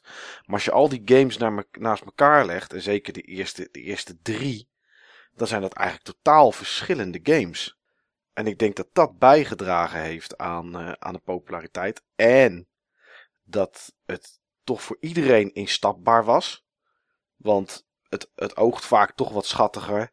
Er zijn uitzonderingen, daar komen we straks vast wel, vast wel op. Maar oh, het oogt vaak redelijk schattig. Maar toch heeft het meer diepgang dan je op het eerste ogenblik zeg maar ziet. Als je er, als je de beelden van, van, van bekijkt. En ik denk dat dat het daarom dus aanspreekt voor Jan en alle man, om ze maar even zo te noemen. Maar de mensen die eenmaal die reeks spelen en die iets meer diepgang willen, dat die het er ook in vinden. Ja, dat zou best, uh, dat zou best wel eens kunnen. Eh, een andere reden die ik zelf denk is het gevoel van vrijheid wat je in die games hebt. En het gevoel van, van avontuur en exploratie. Voor mij was uh, The Legend of Zelda en uh, The Adventure of Link waren twee van de eerste games die ik heb gespeeld die me dat gevoel gaven. Allebei op een hele andere manier ook. En eigenlijk is dat ook iets wat ik in een Zelda zoek en in een Zelda verwacht. Een, ja, een hele lineaire Zelda ja, dat, uh, dat neemt voor mij toch wel echt heel veel fun weg. Ja. Ja, er mag best wel wat sturing zijn. Want dat is voor het verhaal vaak wel goed. Ja. Maar uh, nou, het feit dat je op je paard, Epona, of als je hem anders noemt, een, een andere hè, een kant op kan rijden die je zelf wil, ook al hoef je er niet te zijn, dat, ja, dat, is, dat voegt voor heel veel mensen wel wat toe, ja. En overal is wel wat te vinden. Ja, de geheimdichtheid van de eerste Zelda. Uh, dat is een van de dingen die, uh, die, die, denk ik die eerste game ook zo populair heeft uh, gemaakt. Op elk scherm is wel iets te vinden. Is het, is het geen winkel die je kan openen met een bom, dan is het wel ergens een bosje wat je weg kan branden met je kaars. Waar zeg maar een moblin zit die je eventjes wat rupees geeft. Waar je een gokspel mee kan, kan spelen. Overal is wel wat. En ik denk dat dat vooral toen je nog op de basisschool of misschien net middelbare school zat, dan krijg je natuurlijk die gossip op het schoolplein. Van uh, heb jij uh, daar links van het startscherm, heb jij daar die geheime ingang al gezien? The Legend of Zelda heeft volgens mij heel lang heel veel geheimen voor mensen gekend. Klopt. Waardoor, het, ja, waardoor er vaak nog over gesproken werd. En veel in ontdekt werd. Ja, nou ja, en dat, en dat moet je natuurlijk hebben. En zeker in die tijd Waar er geen internet was met YouTube en dat soort grappen. En geen walkthroughs eh, die je zo kon downloaden. Was natuurlijk het gaaf als je dan bij andere mensen kwam die die game ook hadden. Dat je kon zeggen van heb je dit al gevonden of heb je dat al gevonden. En dan tips uitwisselen. Ja, zo heb ik echt een boel eh, geheimen ontdekt. Of leren kennen. Want eh, een vriend van me, zijn vader, die speelde ook, zeg maar, zijn spellen op de Nintendo. En die vader was er natuurlijk gewoon veel behendiger in dan, eh, dan wij. En zeker in dit type spel. Eh, ja, die had natuurlijk een veel beter analytisch vermogen. Die wist veel beter dingen, eh, dingen voor te, te noteren en te analyseren. En ja, die ontdekte gewoon dingen die wij niet konden ontdekken. En hij kwam daar dan zeg maar mee met dingen die hij dan kende via zijn vader. En dan zat ik weer met ogen open te kijken van wat ze nu weer hadden ontdekt. En die begreep misschien dat steenkolen Engels iets beter hoe het vertaald was in de eerste. Nou, ik denk dat hij daar ongeveer net zoveel moeite mee had. Ja, Maar eh, ja, dat was gewoon een, een mooie tijd. Nou, dat waren in ieder geval echt de 8-bit Zelda's waar we het eh, dan nu met name over gehad hebben. Maar na de 8-bit Zelda kwam in ieder geval de Zelda waar voor mij de grote Zelda-passie pas echt lospaste. En dat was een Link to the Past. ja dat, is, eh, dat is de Zelda-game voor jou, hè, Steve? Ja, dat is voor mij de Zelda-game. Sterker nog, dat is voor mij niet de Zelda-game. Dat is voor jou Zelda. Dat is voor mij de game. Dat is voor mij gewoon de Zo game. erg zelfs. Ja, zeker weten. Er is geen game die ik vaker heb uitgespeeld dan een Link to the Past. Er is geen game van dat formaat die ik vaker heb uitgespeeld dan een Link to the Past. Er zullen heus wel een aantal kleine games zijn die ik vaker heb uitgespeeld. Maar ik heb een Link to the Past heb ik tussen de 8 en 10 keer uitgespeeld. Dat is fors. Ja. Ik heb op een gegeven moment heb ik er ook een traditie van gemaakt om die game elk jaar een keer uit te spelen. Oh ja, dat is, klinkt als een bekende traditie. Die heb ik ook, maar dan niet met, eh, met een Zelda-game. Ik doe dat elk jaar met Loom. Oh, geweldig. Geweldig. Maar daar gaan we nog wel een keer een andere uitzending eh, over, eh, over hebben. Maar een Link to the Past, ja, het geeft me gewoon een goed gevoel. Alles aan die game geeft me een goed gevoel. De wapens, de wereld, de kerkers, de figuren. Alles echt. Op het moment dat ik dit zeg, heb ik eigenlijk gewoon zin om die koptelefoon neer te gooien. jullie De boel de boel te laten en gewoon weer te beginnen aan de zoveelste keer, keer een Link to the Past. Zal ik je, Ik heb zoveel liefde voor die game. zal ik je eens iets vertellen? En waarschijnlijk, waars- Vertel, me, vertel mij waarschijnlijk gooi je dan alsnog die koptelefoon af en loop je weg en kom je nooit meer terug. En ik denk dat je hem al voelt aankomen. Jij vindt er helemaal geen reet aan. Ik heb Link to the Past nog nooit gespeeld. je, je hebt een Link to the Past nog nooit Nee. gespeeld. Oh, dat vind ik minder Oh, erg. gelukkig. Ja. Dan krijg je nou een preek van 30 minuten over waarom je die game moet gaan Nee, spelen. ik weet, ik, dat ho- hoeft niet, hoeft niet, Steve, hoeft niet. Eh, Nee. nee, ik weet dat ik hem moet spelen en het is ook precies de Ja. stijl die ik leuk vind in RPG's. Eh, ik speelde Ja, nu begin ik toch wel een beetje verdrietig te worden, eh, Niels. Eerst, eerst, eerst was het vooral het gevoel van verbazing. En toch vooral, eh, ik was bang dat hij ging zeggen dat hij het een kut game vond. Maar nu begint het verdriet gewoon een beetje door Nou te dringen. Wat hij nou, wat hij nou net heeft Nou, gezegd. ik, daarvoor zei ik ook, je gaat misschien alsnog je koptelefoon afgooien. Want het doet mij een beetje denken aan dezelfde stijl. Bijvoorbeeld Breath of Fire 3 en 4. Een beetje die, hè, die, diezelfde stijls. Stijl van RPG met de minuutjes en het 16-bit gevoel, et cetera. Precies dat wat ik leuk vind. Alleen, ik heb de game niet. En ik weet dat die redelijk goed te koop is. Eh, een kaart gaat volgens mij gemiddeld voor zo'n 35 euro. Alleen de kaart, zeg ik even uit mijn hoofd. Nou, als je geluk hebt. Ze zijn inmiddels alweer wat duurder soms, maar voor 35 euro moet nog wel te Nou doen ja, en zijn. dat is dan de reden dat ik elke keer denk: oh ja, nou dan neem ik hem een andere keer wel mee. Dus ik heb de game gewoon niet. En daarom heb ik hem dus nog nooit gespeeld. Heb je ook geen virtual console release ervan? Nee. Heb je ook niet... eh, heb je niet die... Oh nee, ik wou zeggen die promo disc eh, op, de, op, de Gamecube met al die zeldes, maar daar staat hij dan net Nee, weer niet staat op. er niet op. Nee. Nee. Game Boy Advance versie is ook best wel Ja, goed. heb ik, heb ik ook niet. Dus ik, ik heb de game gewoon niet. Nou, er moet gewoon maar snel verandering in Ik komen. ga dat eh, proberen binnenkort te regelen. En anders mag je hem altijd bij mij komen spelen. eh, Ja, dan moet ik dan de slaapzak meenemen of redden we het in een avond? Dan moet je... Nou, ik heb zelf wel een slaapzak, maar eh, we redden het in eh, anderhalve dag redden we het makkelijk. Oh, En op het, op het moment van dat, eh, dat ik je er helemaal doorheen moet lopen, dan redden we het ook wel eh, zonder slaapzak. Maar dan heb je niet dat gevoel van exploratie wat die game juist zo Nee. leuk maakt. Nee, dat moeten we dan niet hebben. Oh, het is zo'n geweldige game die je nog mag ontdekken. eh, ja, maar Mike. misschien is het mooi dat ik het dan nog nooit gedaan heb. Ja. Maar nu we het over A Link to the Past eh, hebben gehad, wil ik het ook nog eventjes hebben over, ehm, over de rij waar ik stond bij de First Look. Die ik nog, die ik nog niet eh, genoemd eh, had. Dat was een rij voor het, voor het vervolg op A Link to the Past. Het echte vervolg op A Link to the Past. A Link Between Worlds. Die heb ik al meer gespeeld dan A Link to the Past. Want die heb ik al 10 minuten, kwartiertje gespeeld. Ja, en eh, oh, dat voelde gewoon weer zo goed. En dat gaf mij zo'n gevoel van herkenning. Die overworld en die dungeon die je dan kan spelen in die demo. Heerlijk. Anders, maar zo vertrouwd. Echt als een soort van thuiskomen. Denk jij dat jij dat ook zou hebben, eh, Niels? Ja, dat denk ik wel, ja. Maar jij bent ook fan van A Link to the Past, toch? Ja. Beste Zelda. Ja, Beter nog dan die Adventure of Link? Ja, beter dan de Adventure of Link. Ik vind de Adventure of Link de meest ondergewaardeerde Zelda.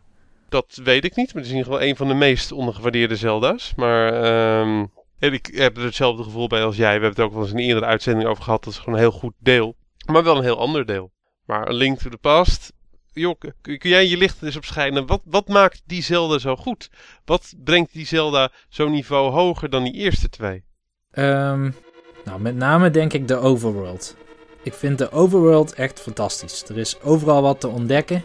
Voor je gevoel ben je aan het sequence breken, maar stiekem is dat helemaal niet. Want volgens mij valt er heel weinig te sequence breken in eh, A Link to the Moet Past. je eventjes, eventjes een kleine verduidelijking eh, geven? Sequence breken. Sequence breken, daarmee bedoel ik dat je het niet in de gebruikelijke volgorde speelt. Dat je bijvoorbeeld een dungeon overslaat of dat je een bepaald item al haalt terwijl je die eigenlijk nog niet zou moeten hebben. Dus dat je voor je gevoel het verhaal verkeerd omspeelt. En in A Link to the Past, daar, ehm, daar kom je in een grote overworld terecht. En eh, je wordt overigens prachtig ingeleid. Want op het moment dat het spel begint, dan lig je in een bed en je wordt wakker en je oom is vertrokken. En dan loop je het huisje uit en dan regent het. Nou, het is een perfecte intro, vind ik. Niet te veel En tekst, gewoon Die beginnen. sfeer, die sfeer. Ja, Die regen en dat donkere en oh, geweldig. En dan denk je, ja, wat moet ik nu doen? Je bent gewoon in de overworld beland. Maar toch loop je goed. Ik weet niet wat het is, maar die overworld die is zo leesbaar, maar zo onbewust leesbaar, dat je vaak het juiste doet, terwijl je daar niet zo heel bewust mee bezig was. Nou, die intro, dat weet ik hoe het komt. Alle paden waar je niet naartoe kan, er staan soldaten om je tegen te houden. Oh ja, dat was Ja, het. Maar eh, ja, ze sturen je wel gewoon heel duidelijk naar een bepaald punt toe. En vanaf dat punt laten ze je ook gewoon echt los. Dus zodra je dat bosje eh, wegtrekt en dat tunneltje invalt, vanaf dat moment laten ze je gewoon lekker los.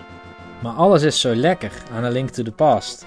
Als je een zwaardje, als je daarmee slaat en je slaat tegen zo'n beestje aan, dat je zo een aantal pixels naar achteren schuift. Zo Klopt. fijn als dat voelt. Ja, en eh, de, de wapens, gewoon de diversiteit aan wapens en hoe Ja. elk item daar op een paar items na gewoon allemaal hun nut hebben. Het zijn er echt veel. Ja, Het aantal items was gewoon echt veel groter dan de eerste twee Zelda's. Ja, zoals je al zei, bijna alle items hebben een direct nut. Je hebt volgens mij een paar optionele items. Ik weet dat de, de cape, geloof ik, De is cape optioneel. en die wands. Die Oh nee, die wands- wands heb je ook gewoon nodig. Want met die wands die heb je nodig om zeg maar eh, die blokken te kunnen toveren. En die heb je toch echt nodig voor een van die latere dungeons. En volgens mij heb je daar maar één van nodig, van die wands. Ik weet het niet helemaal zeker, maar ik weet bijvoorbeeld dat die cape, die heb je nodig om een van die wands te kunnen halen in de Dead Mountain. Oh, oké, dat, moet, dat moet haast wel hè. Maar bijvoorbeeld de upgrade voor je boomerang hoef jij niet per se te halen. Sterker nog, ik wist niet eens in eerste instantie dat hij er was. Ik kwam er pas, eh, ik kwam er pas achter toen ik hem uitgespeeld had. En ik hem in een of ander gameblad eh, zag, eh, zag staan. Net als het vierde zwaard. Oh ja, inderdaad. Ik heb hem uitgespeeld met het derde zwaard. De eerste keer. Ja, je had ook meer light arrows nodig dan zwaard. Ja, dat klopt. Dat klopt. Maar eh, ja, het is gewoon zo'n geweldig game. En ik denk dat je het belangrijkste aspect van die game nog niet eens genoemd, genoemd hebt, Niels. Jij, zei het, jij had het over overworld. Maar wat je natuurlijk bedoelde, was overworlds. Meervoud. Gewoon twee werelden die met elkaar in contact staan. Waarbij je eh, van de ene wereld naar de andere eh, wereld springt. En de ene wereld in de andere wereld kan manipuleren door er dingetjes eh, te veranderen. Die dan effect hebben op die andere wereld. Geweldig. Eerste game die ik gespeeld had die dat principe volgde.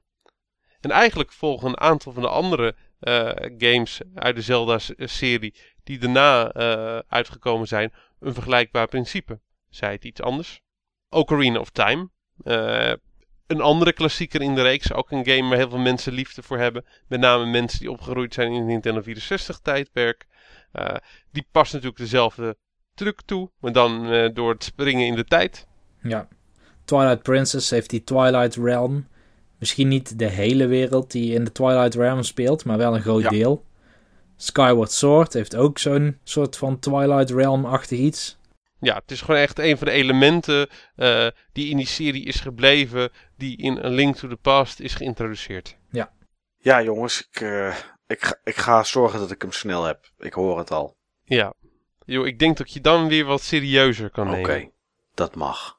Maar uh, de andere grote klassieker uit de reeks heb je toch wel gespeeld, Mike? Ocarina of Time. Of ga je me nu weer, uh, zeg maar, een beetje verdrietig maken? Nee, Ocarina of Time heb ik wel gespeeld. Ik heb hem liggen voor de Nintendo 64 en voor de 3DS. En ik heb langer de 3DS-versie gespeeld, uitgespeeld, dan uh, dat ik dat met de Nintendo 64-versie deed. Maar die heb ik wel gespeeld. Maar je hebt de Nintendo 64-versie waarschijnlijk niet uh, gespeeld toen die uitkwam? Nee, nee, want ik had geen Nintendo 64 toen. Oké. Nou, begrijpelijk dat je, dat je de 3DS-versie dan langer hebt gespeeld. Want uh, waar Link to the Past echt gewoon tijdloos is. Qua gameplay, hoe het eruit ziet. Uh, qua hoe soepel het allemaal werkt. Qua hoe heerlijk het speelt. Is Ocarina of Time op de, Nintendo 64 dat niet. Oké. Uh, de, de game is wel tijdloos. Maar lang leven die 3D remake op, op de 3DS die een fatsoenlijke framerate uh, toevoegt en uh, een stuk minder mist. Ja. Dat, uh, dat kon die game wel gebruiken. Nou, inderdaad. En ik heb het uiteraard ook gespeeld gewoon op Nintendo 64 toen ik de keuze ging maken of ik hem voor de 3DS ging halen of niet. En nou ja, toen ik het op de Nintendo 64 speelde, dacht ik, nou, het kan niet heel veel slechter worden qua framerate dan, dan dat dit is. Dus ik ben blij dat ik het inderdaad gedaan heb op, op de 3DS. En toen was het fantastisch, hè? De eerste Zelda in, uh, in 3D. Ja. Een van de eerste games met die schaal en die vrijheid in, uh, in 3D op consoles. Ja, het is gewoon een, een supergoeie Zelda. Niels, jij hebt hem toch wel gespeeld toen hij om en nabij nieuw was? Ja. Het gekke was, ik kan me nog herinneren dat toen ik hem voor het eerst zag bij een vriend van mij, want ik had hem niet direct bij de launch, toen hoefde ik hem eigenlijk niet. Ik vond hem te donker en te pessimistisch vergeleken met A Link to the Past. Ah, jongens, jongens, jongens, wat doen jullie me pijn vandaag? Echt, mes op mes steken jullie gewoon in mijn rug. Ja, nou ja. En jullie draaien ze maar om. Straks komt hij ook nog in je hart terecht, denk ik, Steve. Ja, het zou zo wel kunnen. Uiteindelijk, Steve, uiteindelijk heb ik hem binnen een maand of drie wel gekocht en was ik helemaal verslingerd. Gelukkig, gelukkig. Je trekt het mensen weer uit. Ja. Maar ik stopte wel met spelen bij de Watertempel. En een jaar na de rand pakte ik hem weer op en toen speelde ik hem uit. Gelukkig, gelukkig. Nee, ik heb hem echt in één keer uitgespeeld toen. Ik heb zo van die game genoten. En dat, dat laatste gevecht. Dat laatste gevecht, jongens, jongens, jongens. Hoe vaak heb ik dat laatste gevecht niet uh, gespeeld? Tot je zeg maar naar beneden moet, uh, moet, uh, moet rennen. op de vlucht zeg maar voor die vallende, voor die vallende toren. Op het moment dat je Ganondorf verslagen hebt. En dan, dan ben je beneden en dan ben je veilig tussen uh, aanhalingstekens. Ja. ja. en dan, uh, ja, dan komt het laatste gevecht tegen Ganon. Geweldig. Ja, ja dat was toch, uh, dat zijn van die, dat zijn nou van die stukken uit games die blijven hangen. Die blijven je altijd bij. Ja, de eerste keer dat je, dat je de prinses gered hebt met Mario, uh, blijft net zo hangen als dit gevecht, denk ik. Zeker. Dus uh, nee, op het moment dat ik aan Zelda Ocarina of Time denk, dan denk ik altijd aan, uh, aan dat stuk. En eh, op Epona door Hyrule Field eh, een beetje free roamen. Dat, dat lege veld waar eigenlijk heel weinig te beleven eh, is, los van, eh, van de geheimen. Maar ik kon gewoon uren gewoon een beetje op Epona door dat veld eh, dartelen. Hoe groot die wereld ook leek toen, toen hij uitkwam. Zo voelde het ook echt. Maar ja, En kijk, in, inmiddels zijn we gewend aan de eh, GTA 5's en de Skyrims van deze wereld. En eh, alle massive online games. En nu is het een best wel kleine wereld. Maar toen voelde het gewoon zo vast, zo oneindig. Heerlijk. Ja, nee, Mooie tijden, jongens. Mooie ja, tijden. ondanks dat ik het op de 3DS gespeeld heb, had ik toch wel een beetje datzelfde gevoel. Ondanks dat ik dat moment natuurlijk eh, dingen als Skyrim en zo en, en Fallout. Hè, dat, dat, waren, dat zijn natuurlijk vele grotere werelden. Als je Fallout 3 naast Ocarina of Time zet, nou ja, dan is Ocarina of Time één gebouw wat eh, in de hele wereld van Fallout staat. Maar ja, toch, toch heeft die 3DS-versie wel dat gevoel een beetje meegenomen. Dat vind ik toch wel heel knap. Als je dan rondrijdt Ja. en, en, en een beetje aan het kijken bent en dan wordt het nacht en dan... Ja, dat is Ja, is gewoon leuk. Is gewoon leuk. Goeie game. zeker weten. Zeer goede game. Het is een rechtstreekse opvolger. Dat is een game die natuurlijk een beetje in de vergetelheid is eh geraakt. Majora's Mask. Majora's Mask. Ja. En dat is een van de weinige Zelda's die ik nooit gespeeld heb. Nooit gespeeld heb. Steve, je doet me pijn. Ja, Ja, mij ook. Oh, In mijn hart, mes in mijn oog. Oh, draaien. nee, ik heb, ik heb hem nog nooit gespeeld. Ik, eh, Hij, hij trok me toen niet zo op de Nintendo 64. Ik was een beetje afgehaakt ook met de Nintendo 64. ja, dat snap ik wel. toen, vond ik het, toen begon ik het allemaal een beetje eh, fuzzy, low-res eh, troep eh, te vinden. En dat leek mij een beetje een aftreksel van Ocarina of Time. Maar volgens mij is die dat niet, hè, Niels? Eh, nee. Ik denk dat Majora's Mask naast Zelda 2 de meest ondergewaardeerde Zelda is. Dat eh, dacht ik al. Dat was namelijk de andere game die ik in gedachten had. Want ook al heb ik hem niet gespeeld, ik weet natuurlijk wel wat mensen ervan vinden. En ik ben er wel benieuwd naar. Maar ik ga Ja. mezelf echt niet in die Nintendo 64 troep storten. Ik zit de hele tijd al smachtend te wachten op de onvermijdelijke remake. Ja, maar ik ook. Sterker nog, ik had eh, Majora's Mask zitten spelen toen de remake van Ocarina of Time uitkwam. Ja.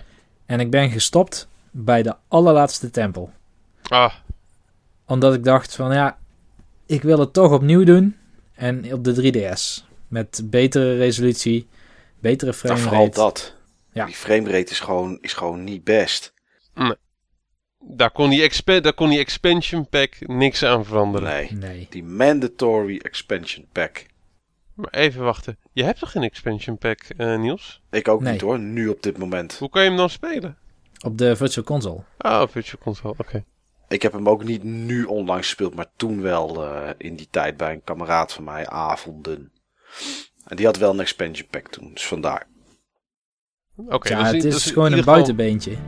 Het is natuurlijk de eerste Zelda die echt meteen verder ging waar de andere ophield. Het begint ook echt met dat Link terugloopt door die, eh, wat is het ook weer? De Forest of Illusion is van Super Mario World. In Zelda heet het de The Lost Woods heb je het waarschijnlijk over. Lost Woods, dat zijn Ja. hem, ja. Dat is hem.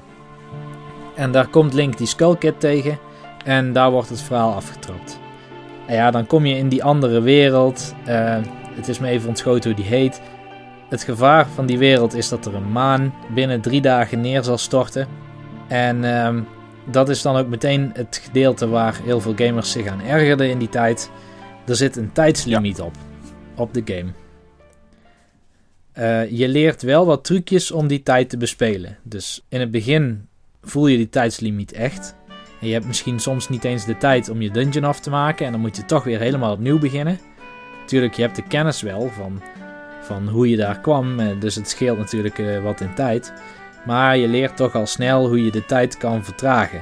Twee keer zo traag kan maken. En dan heb je toch redelijk veel tijd om een dungeon uit te spelen. Dan is het wat minder een probleem. Het is ook een hele donkere Het is Zelda. denk ik de meeste, de meest duistere Zelda die er is. Behalve Ja, misschien de, de Zelda die het in zijn titel heeft zitten. Dat duistere.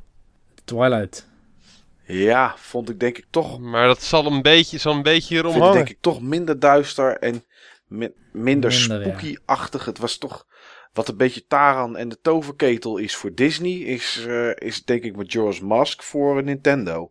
Ik was zo bang voor, eh, voor eh, die vijand in Taran en de Die Toverketel. skelettenkoning. Ja, die skelettenkoning die was echt fucking, fucking Ja. scary. Mag ik nog één ding over Majora zeggen? Ja, Nou, wat ik een van de leukste elementen aan Majora's Mask vind, is ehm, de sidequests. Er zitten superveel sidequests in. Je bent in het begin in een klein dorpje. En in dat dorpje hebben alle NPC's die daar zitten, die hebben een soort dagschema. Die lopen door het dorp. De ene keer zijn ze aan het werk, dan s'avonds dan liggen ze in een hotel. Ik noem maar wat. En afhankelijk van hoe laat het is, kun je soms quests krijgen. Of je kan soms, eh, ja, soms accepteren ze juist ook dingen voor een quest, zodat je je quest kan afvinken. En dat is zo ontzettend goed gedaan. Het is daarna nog door Xenoblade Chronicles gedaan, maar Majora's Mask deed het eigenlijk veel beter. Dus je krijgt eigenlijk naast de main quest, krijg je ook wat side quests mee, die eigenlijk alweer kleine verhaaltjes op zich zijn. En dat vond ik echt goed Ondanks gedaan. de tijdsdruk. ja ik kan er niet over meepraten. Ik denk dat het wel gaat veranderen, Steve. Ja, ik eh, nu zeg maar eh, Nintendo het grote cashje met remakes heeft eh, ontdekt. eh, ja, denk ik dat, eh, dat de remake eh, onvermijdelijk is. Dat denk ik ook wel. Omdat mensen het toch opnieuw willen spelen. Denk ik, net zoals... Nou, ik weet niet hoeveel, hoeveel die eigenlijk verkocht is. Maar ik denk toch minder verkocht is. Omdat mensen denk hetzelfde hadden als Steve als wat jij een beetje had. Aan het einde van de, van de Nintendo 64 tijdperk. Denk ik dat, er, dat dit misschien wel de enige Zelda is die een remake waardig zou zijn. Qua onder het meer, meer onder het publiek brengen. Hoewel dat voor de, de opvolger ook wel eh gold. Want er zijn ook niet zo bijster veel van verkocht voor een Zelda game. Nee, maar dat, Rond de 3 miljoen. En die heeft inmiddels een HD remake binnen. Ja, maar dat kwam denk ik vooral omdat de console zelf niet zo heel veel verkocht was. 20 miljoen exemplaren van de Gamecube, dat zet inderdaad geen zoden aan de dijk. Maar toch is de Wind Waker een van de gaafste games op de Gamecube. En zit ik nu met veel, zeer veel plezier de HD remake op mijn fonkelnieuwe tweedehands Wii U eh, te spelen. Met, Met power adapter. Want die had je in het begin even niet, toch? power adapter inderdaad, ja. Dat klopt, ja. Die heb ik nu ook. Dus eh, en ik moet zeggen, ja, ik, eh, die game, hij voelt alsof die gisteren eh, gemaakt is. Ja, Dat vind ik echt wel heel bijzonder. Dat heb ik tot nu toe bij geen enkele HD remake die ik gespeeld heb gehad. En waarom denk je dat het is, Steve? Nou, ten eerste voelt hij technisch en grafisch eh, alsof hij nieuw is. Hij heeft een artstyle die voor die tijd redelijk uniek was en die nog steeds redelijk uniek eh, is. En die ook echt heel goed oud is geworden. Niet gedateerd is eh, geraakt.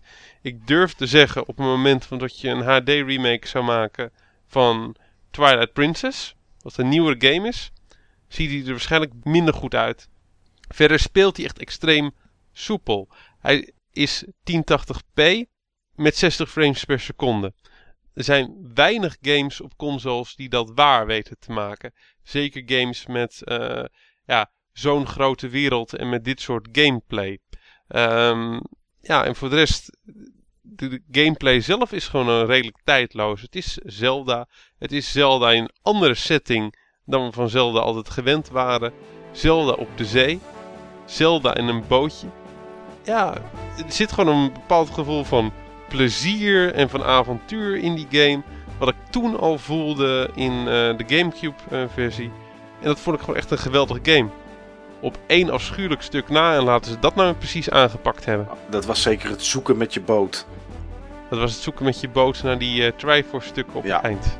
Ja, toch heb ik dat nooit tijdens het spelen als vervelend ervaren, moet ik zeggen. Ja, het duurde zo lang, joh. En je moest die kaarten dan gaan kopen. Oh, jongens. Ja, ik had daar zelf toch wat minder problemen mee. En ik, ik moet denk ik ook wel eerlijk bekennen dat ik de Wind Waker denk ik mijn beste Zelda vind. Want ik heb daar echt... Ja goed, ik heb Link to the Past niet gespeeld, dus dan ga je natuurlijk zeggen... Ja, wacht maar, de Link to the Past. Nee, nee, nee, joh. Dat, dat- ik heb met George Mask niet gespeeld. Dus dat, dat, is, eh, dat is gewoon het een en ander wat we nog te ontdekken hebben.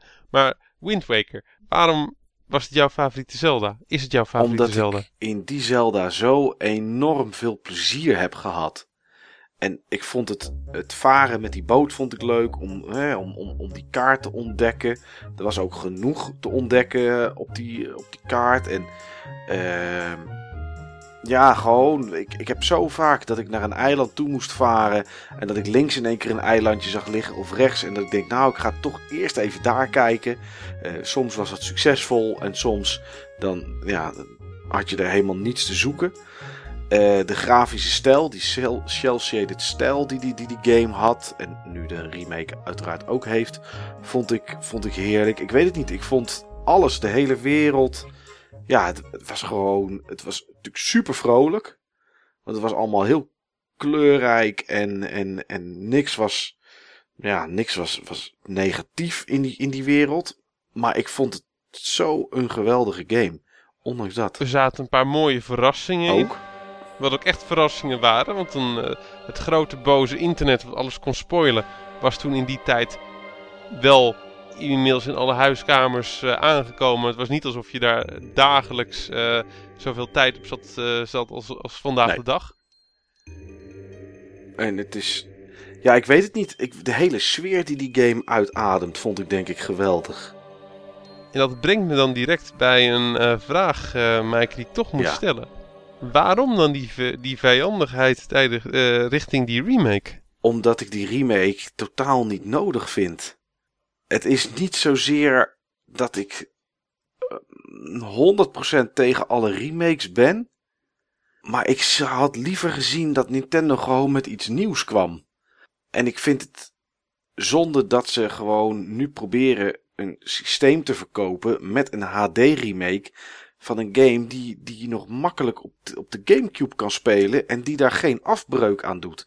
Kijk, dat je met George Mask, dat je die een remake geeft omdat die framerate verschrikkelijk ruk was.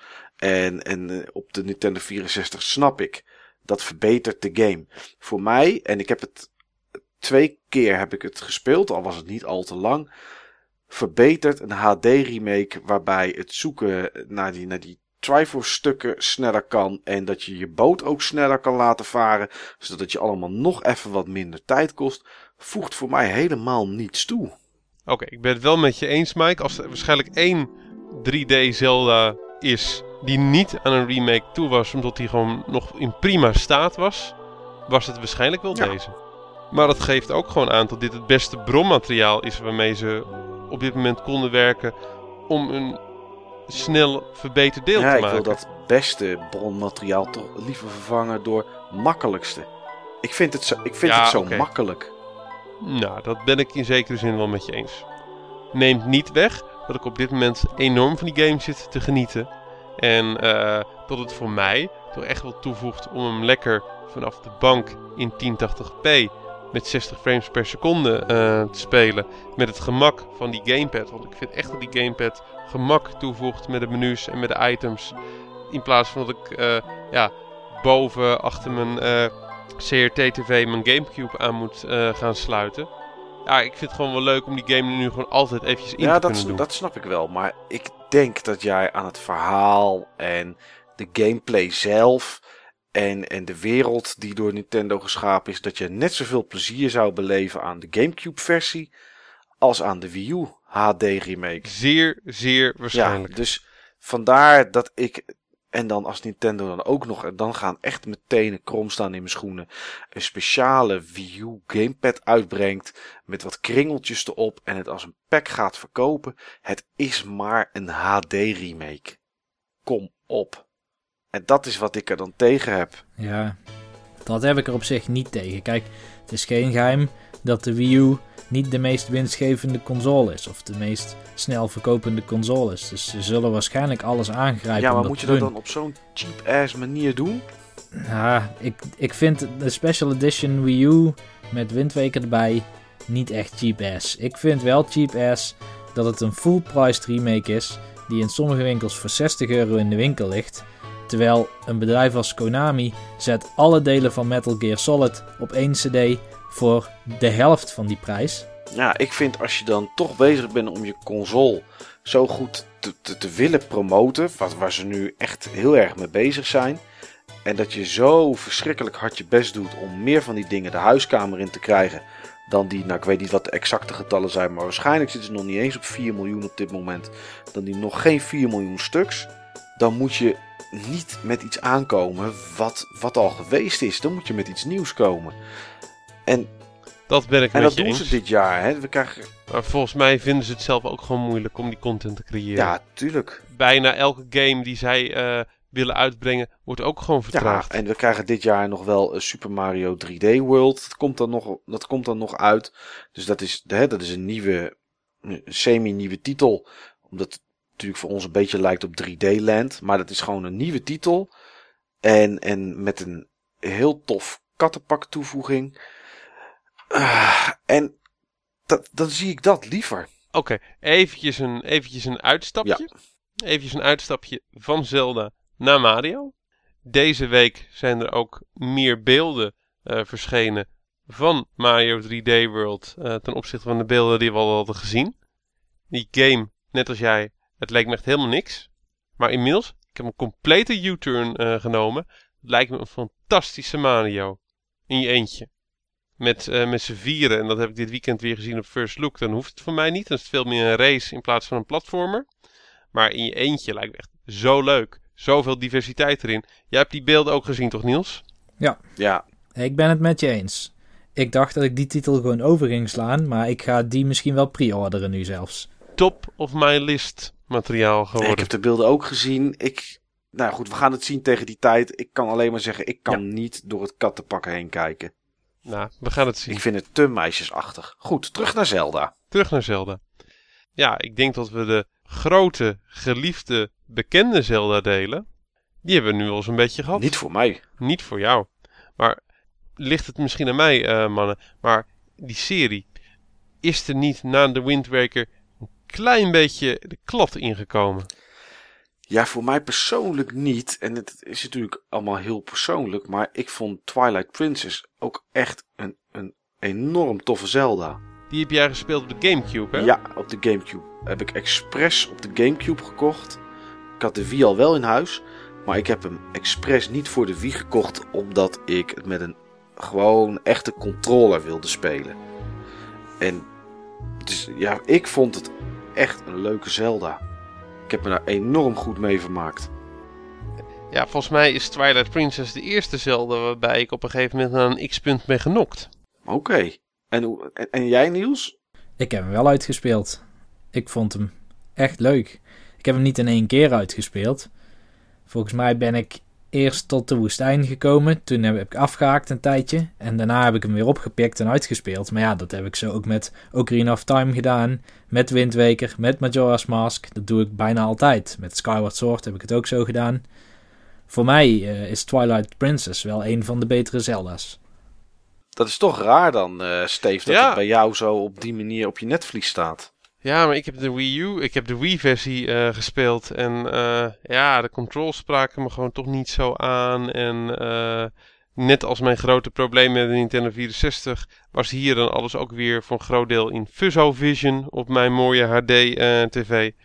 ja, ik heb het gevoel dat ik misschien ook beter net als jij de Gamecube-versie had kunnen scoren. En die lekker op mijn CRT-TV met mijn Gamecube had kunnen spelen. Ja. Wat ik natuurlijk nog steeds kan doen. Uiteraard, uiteraard. En eh, ja, ik heb, ik heb daar echt een hoop plezier aan beleefd. Ik vond de dungeons vond ik gaaf. Eh, er zaten ook vaak wat, wat grote, lange dungeons tussen. Nee, ik, eh, ja, ik vond dat wel tof. Die twee werelden, een beetje die schaduwwereld waar je in kon begeven. En dat was, eh, ja, voor mij een, een, een toffe Zelda gewoon ook. Het is wel echt de meest, ja, de meest ambitieuze narrative in een Zelda. Ja, qua verhaal misschien nog wel donkerder dan Majora's Mask. Qua sfeer vind ik Majora's Mask donkerder. Maar het verhaal van Twilight Princess is echt heel apart. Een van de weinige Zelda's volgens mij met meerdere bad guys, toch? Met de zand, of hoe heet die ook weer? Zend, inderdaad, ja. Nou, er was wel één ding wat me een beetje tegenviel aan Twilight Princess. Bij mij, om een of andere reden, ik vind het altijd cool als Hyrule in de game zit. Wind Waker is bij mij dus een minder leuk deel dan Twilight Princess. Omdat het boven Hyrule afspeelt. Maar ehm, een van de dingen die ik leuk vind is kijken hoe komen elementen uit de vorige Zelda's terug in deze. Wat is er gebeurd in die wereld? Want ik noem maar wat, het um, Kakariko Village is een bekende term bij Zelda. Ja. Soms spelen die Zelda's zich tientallen jaren of eeuwen na elkaar af, maar Kakariko Village blijft bestaan. Ja. Alleen Twilight Princess had een vrij desolate vorm van Kakariko Village. Het was bijna uitgestorven. En ik herkende het juist altijd, Kakariko Village, in, uh, vooral dan in, uh, in uh, Ocarina of Time, als meer zo'n gezellig, bezig, druk dorpje. Dus dat viel mij alleen een klein beetje tegen aan Twilight Princess. Maar voor de rest heb ik eerlijk gezegd best genoten van deze Zelda. Ja, nee, ik had, ik had precies hetzelfde. Ik heb, uh, ik heb het met, echt met plezier gespeeld.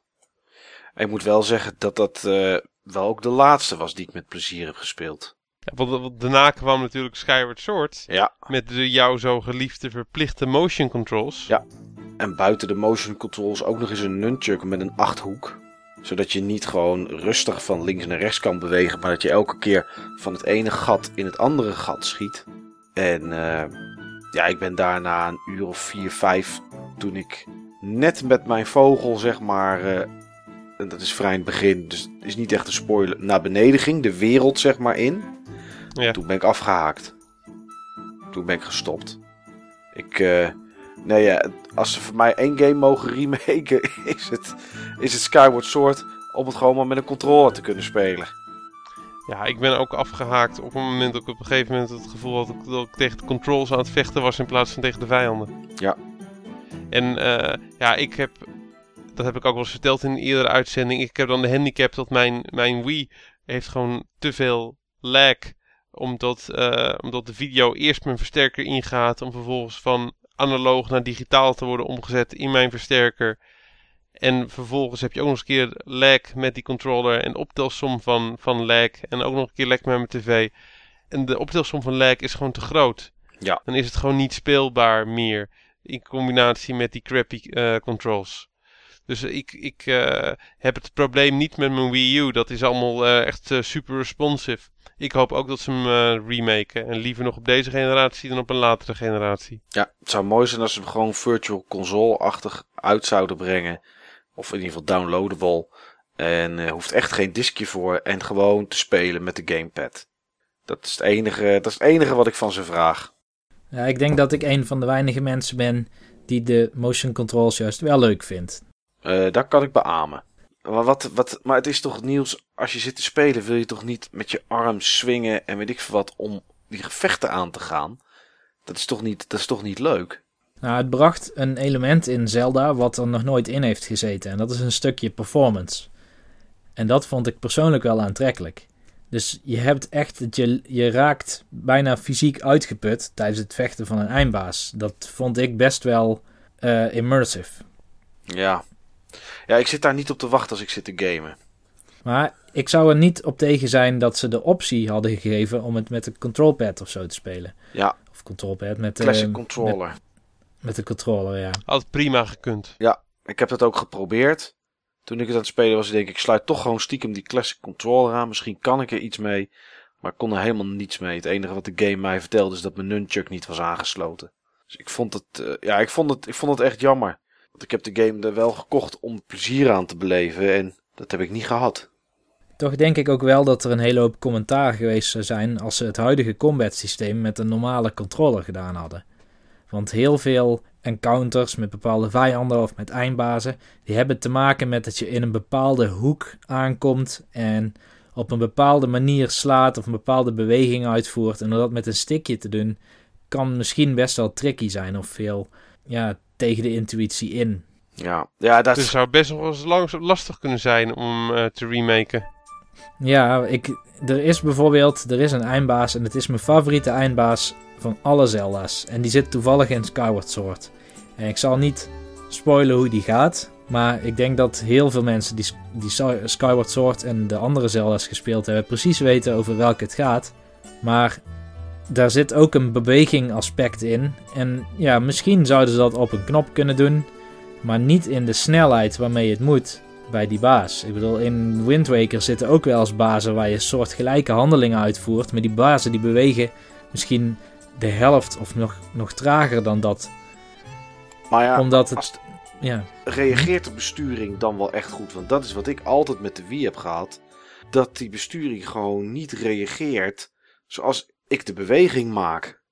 bij mij reageert hij wel zoals ik de beweging maak. Maar er zit wel iets van een leercurve aan. Wat heel duidelijk is bij de Wii Motion Plus controller is dat als jij veel beweegt, dan raakt hij gedecalibreerd. Dan moet je hem weer opnieuw gaan kalibreren. Ja, Soms leg je hem op de grond of vaak wordt er gevraagd van richt op het scherm en eh, binnen deze cirkel en druk dan op A. Als je bijvoorbeeld zo'n Beetle gaat laten vliegen. Maar dan ben je waarschijnlijk nog helemaal niet geweest. nee, ben ik niet geweest.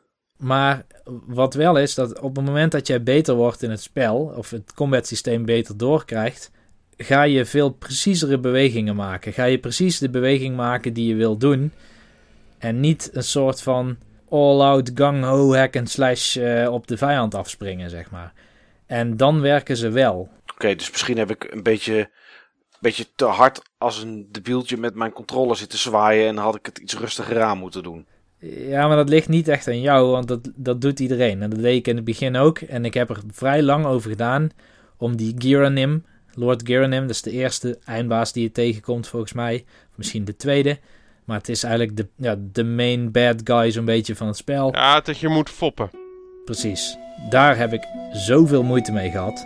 Dat was absoluut niet te doen bij mij. Ik heb daar denk ik vijf, zes keer over gedaan. Een paar keer de Wii uitgezet, want ik had spierpijn. Later weer opgestart. Ja, dat, dat was echt... eh, Ja, maar Echt ik heel wil, ik wil toch... Maar dat was toen ik nog niet precies mijn bewegingen uitvoerde zoals ik ze bedacht. Ik wilde gewoon hem te snel af zijn met heel veel onverwachte bewegingen. Maar dat is eigenlijk niet wat je moet doen. Maar ik wil straks toch niet een tennisarm, Niels, omdat ik Zelda zit te spelen. Oké, maar nu hebben we het iets te veel over de controls in plaats van over Zelda als, eh, als reeks. Ja. Ehm, en daar hebben we het ook al eerder over eh, gehad. Misschien moet ik hem toch weer een keer eh, de kans geven op mijn, eh, op mijn eh, Wii U. Want ik bedenk me net, via mijn Wii U kan ik hem rechtstreeks richting mijn tv pompen. En hoeft, hoeft het analoge signaal niet te worden omgezet via mijn versterker. Ik ga het gewoon nog een keer proberen binnenkort. Neem niet weg dat er wel een paar grote nadelen nog kleven aan deze Zelda. Want Skyward Sword hoort niet bij mijn favorieten. En waarom met name, Niels? Nou, twee dingen eigenlijk. Eén van de dingen is, er is één eindbaas. En die komt tot wel vier of vijf keer terug. En dan weet ik het wel. Ja, snap Daar ik. kijk je bijna tegen op. Dat is niet leuk. Nee. Het tweede ding is, de wereld is vrij gefragmenteerd. Jij komt uit de lucht door een gat een werelddeel invallen. Je hebt een woestijn en een bos en een eh vulkaangedeelte. En dan heb je nog wat eilanden in de lucht. Maar er is geen connectie, zeg maar. Je mist dat overworld gevoel. Wat je bij Wind Waker wel had, ondanks die, eh, die zee. Ja, dat klopt. Dat klopt. Maar het was ook een... eh, Je zag die eilanden ook al liggen in de verte. En je vaarde Ja. er zo naartoe, je legde je boontje aan en je was op het eiland. het was echt seamless. En dat is het niet in Skyward Sword. Nee, dat sprak me ook niet aan, bedenk ik me net. Ik ben wel, de eerste twee van die gaten heb ik uitgespeeld. Oké, ja.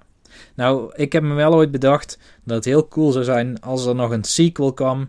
En ik had hem eerlijk gezegd ook verwacht. Waarin jij gewoon over, zeg maar, die lower world eh, kon spelen. Dat ze de wereld gewoon nog een keer gingen gebruiken. Had voor mij prima gemogen. Maar dan wel een continuous wereld. Want het idee van die Zelda-wereld vond ik best wel leuk. Ik bedoel, vergeleken met Twilight Princess of of eh Wind Waker of Ocarina of Time. Daar had je gewoon een overworld en je ging een dungeon in en dat was dan zeg maar een soort van mini-wereldje. Maar in Skyward Sword was de overworld op zichzelf al redelijk een puzzel. Ja. Daar was al veel meer te doen dan in de gemiddelde Zelda overworld. Alleen het was zo gefragmenteerd dat het, ja, dat voelde nog wat raar. Laat ik het daarop houden. Nou, ik ben in ieder geval benieuwd wat, eh, wat onze luisteraars hier ook van, eh, van vinden. Wat zijn jullie favoriete Zelda's? Wat zijn jullie Zelda's die zijn bijgebleven? Wat zijn jullie Zelda's waar jullie bedenkingen op, eh, op hebben? Eh, net als alle uitzendingen van Button Bashers vragen we vooral ook van... joh, laten wat, ach- laten wat achter in het, eh, op het forum waar we dit altijd posten. Op Palrox laten wat achter op Facebook. laat het vooral horen. Ik zal het straks aan het eind van de uitzending ook nog wel een keer herhalen. Maar we zijn erg benieuwd naar jullie meningen. Nou, we hebben het tot nu toe eigenlijk alleen gehad over de, over de grote Zelda's. Maar de handheld Zelda's, willen we daar ook nog één of twee van uitlichten, mannen? Nou, ik heb met twee handheld Zelda's toch wel een hoop plezier gehad, moet ik zeggen. En dat zijn? En dat zijn uh, de Phantom Hourglass. Daar heb ik toch wel, ja, daar heb ik toch wel een hoop plezier, uh, hoop ja, plezier maar die is gehad. echt heel leuk. Ja, dat vond ik echt een enorm leuke, leuke... Daar zit ook mijn favoriete Zelda puzzel ooit in. Echt waar? Ja. Een enorm simpele, maar oh zo inventief. En ik, kan hem, ik, ga hem gewoon, ik ga hem gewoon spoilen. Uh, op een gegeven moment heb je zeg maar een, uh, een kaart aan de muur. Een soort met van tablet. En daar moet je een afdruk van, uh, van maken. Ah, ja, ja. En ik wist bij god niet hoe dat, hoe dat moest. En toen heb ik op een gegeven moment uit pure frustratie heb ik mijn DS dichtgeklapt. En bleek dat gewoon de oplossing te zijn. Ja. Ja, ik vond dat ook een hele leuke, een hele leuke Zelda. En ik vond ook die andere op de DS, de Spirit Tracks, vond ik ook een leuke Zelda om te spelen. Met de trein waarmee je kon rijden. En uh, waar je later in een, in een grote toren de baan zeg maar een stukje kon draaien. En dat je de andere kant op kon.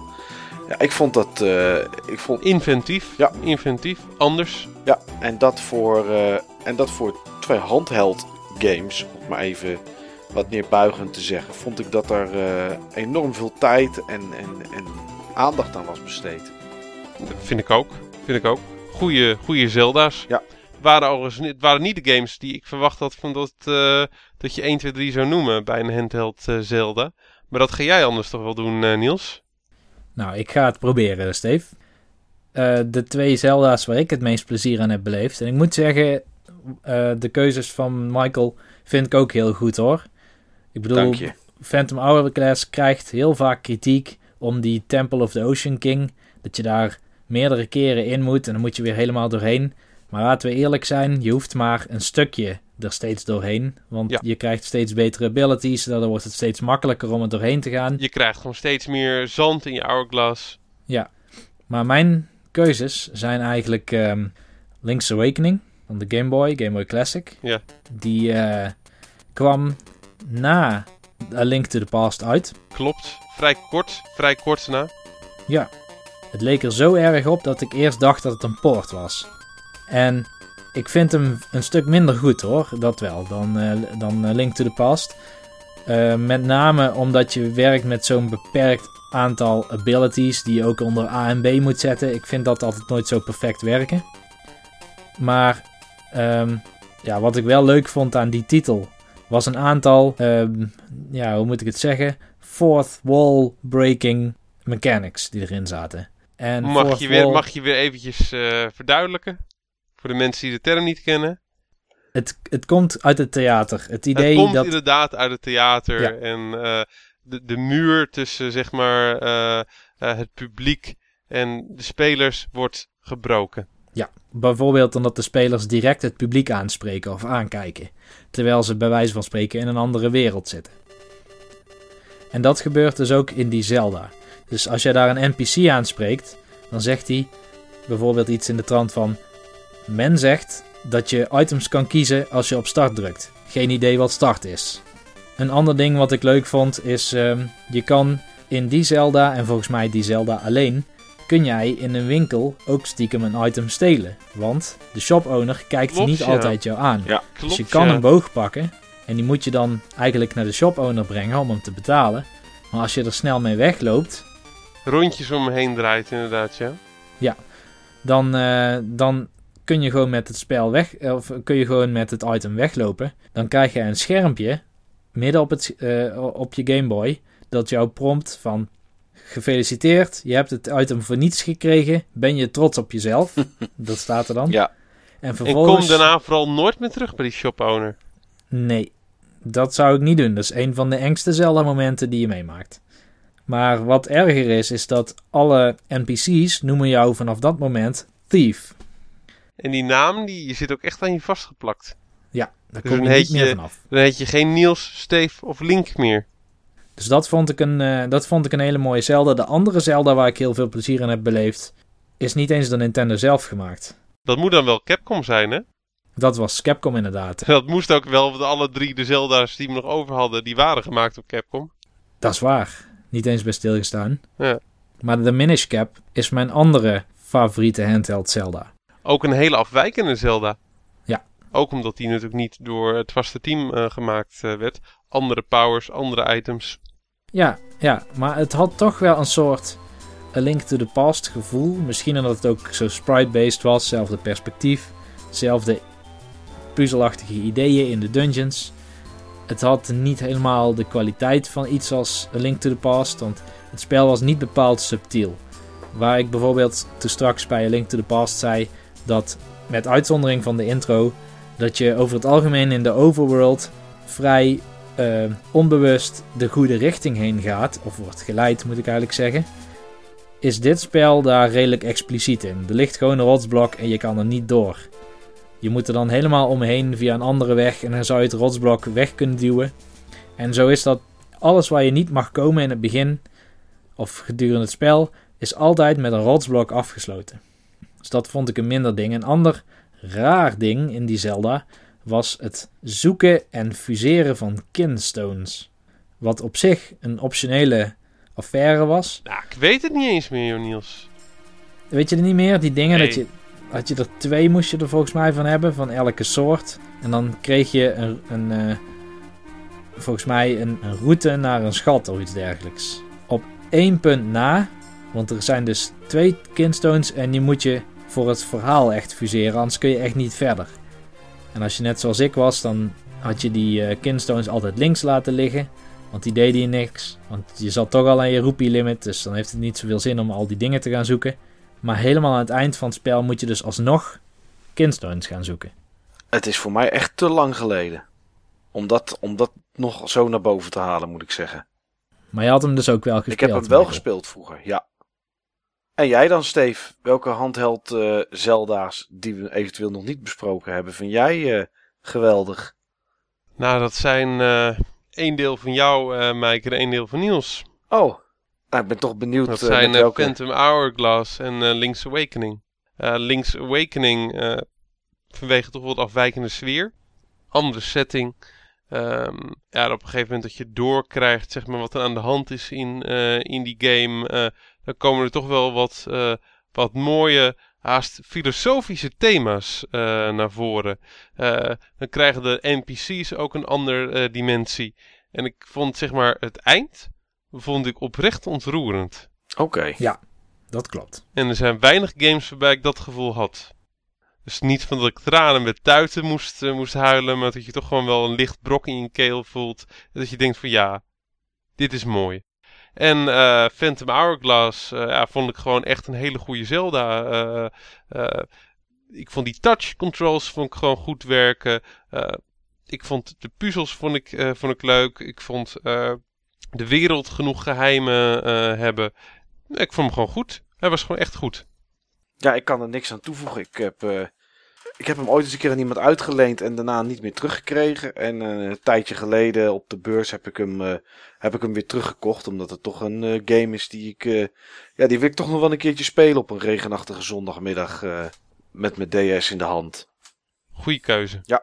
Na natuurlijk A Link to the Past, of niet, Steve? Zeker, zeker. Die moet gewoon snel in huis komen. Ik ga mijn best doen. Maar dan wil ik toch nog heel eventjes iets weten. Ja, Want er zijn een paar titels onbesproken gebleven. En dat doen we natuurlijk omdat we niet te veel tijd willen we kunnen het besteden niet overal over hebben. Nee, maar we hebben allemaal niet de Oracle games genoemd. Nee, Nee, die heb ik niet gespeeld. ik ook niet. Die heb je niet gespeeld. Ik ook niet. Ik kwam er pas veel later achter. En dan heb ik het echt over een jaar of anderhalf geleden, denk ik, dat die, eh, dat die er ook waren. En toen ik ging kijken wat die moesten kosten om ze te kopen, dacht ik, nou, ik laat die even zitten.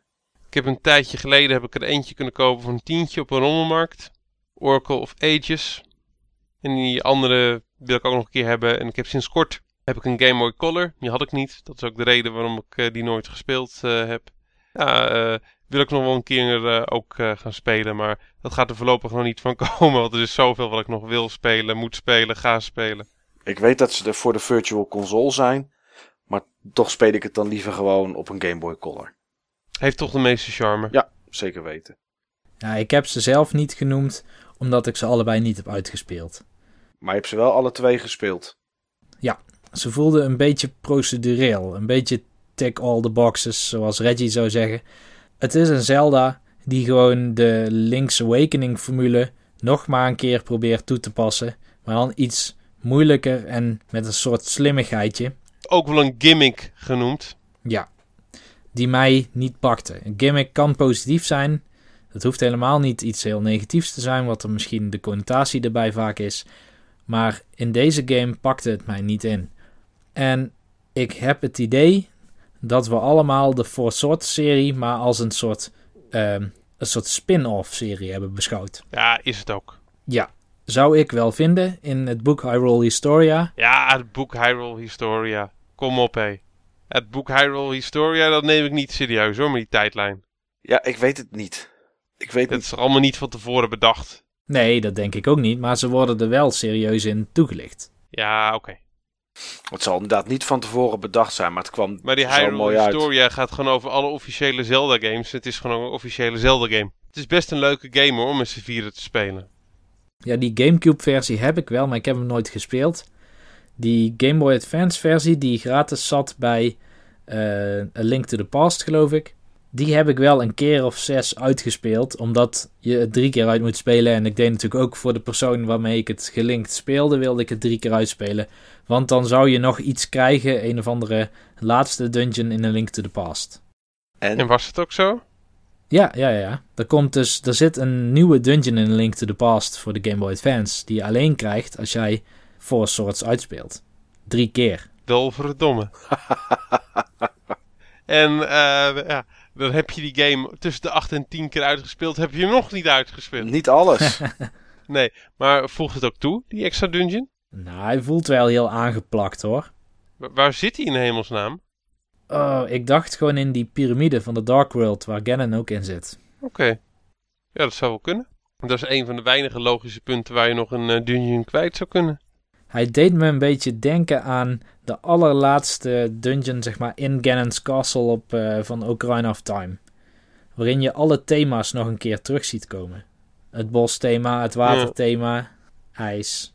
Zo'n soort dungeon was het, geloof ik. Dus een soort samenvatting van een soort greatest of, of best of eh, A Link to the Past. Maar niet echt een dungeon die heel veel toevoegt. Het is meer een, eh, ja, echt een het extraatje. is leuk dat het er is. Nou, weet ik in ieder geval dat me weer eh, iets te doen staat. Dat mag je nog een keer opnieuw zeggen, denk ik, Stef. Dan weet ik in ieder geval dat me weer iets te doen staat. Terwijl ik in een slaapzak aan het kijken ben. Ja, precies. Dat klinkt wel heel spannend eigenlijk. Ja, het, nou, het, Mag dat wel van Bianca? jawel, dat, dat, die vindt dat wel oké. Maar het heeft wel, terwijl we het er nu zo over hebben, jij er een grapje over maakt, een beetje het gevoel van hoe we vroeger games speelden. Hè, als, als jongetje zijnde op je kamer, het licht uit, alleen het licht van de tv aan, dat reflecteert op je, op je gelaat. En, Ah, ik heb er zo'n zin in om gewoon het spel te gaan spelen nu, joh. Echt. en dat, er dan, dat je dan wijze met z'n Ah, tweeën jongens, of drieën ja. zat te kijken naar hoe die ander zat te spelen en om de beurt. Met Geweldig. alleen de tv aan als lichtbron. Ja. Maar je had het wel eens verteld van, zeg maar, op het moment dat je doodging, van dat je dan of, eh, of het een level haalde, dat je dan van de controller wisselde. Dat, dat was zeg maar niet hoe, eh, hoe ik eh, vroeger met mijn- vrienden Zelda speelde. Nou, dan ben ik toch Daar moesten zij gewoon echt spelen, spelen en dan loodste ik ze, ze er helemaal doorheen. Oké, ja. Nou ja, ik speelde nooit Zelda heel erg met vrienden. Wel bij. En dan ging ik gewoon spelen. Maar eh, nee, dat overgeven van de controller of, of toetsenbord en muis bij doodgaan of level, dat was inderdaad meer bij Doom of bij Mario. Dat klopt. Mooie tijden. Zeker. Oude tijden. Ja, joh, eh, ja, we hebben nu toch gewoon, eh, wat is het? Bijna 30 jaar gamehistorie eventjes de revue laten passeren. Nee, dat is niet waar, want eh 86 is het uitgekomen, toch? De eerste Zelda. Ja, Ik ben heel erg. Dan mogen ze binnenkort weer uitpakken voor het 30-jarige jubileum. Ja, en ik ben toch heel erg benieuwd wat de nieuwe volgende Zelda gaat worden. Als jullie iets zouden mogen bedenken, jongens, wat, wat zou het worden? Niels. Oh, nou, die eh, vraag komt eventjes eh, fijn eh, om uh, 8 over 10 uh, s'nachts. Maar uh, ja, wat zou het worden? S'avonds, 8 over 10 s'avonds. Heb jij een idee, Steve? Dat je denkt van ik praat gewoon door Niels heen?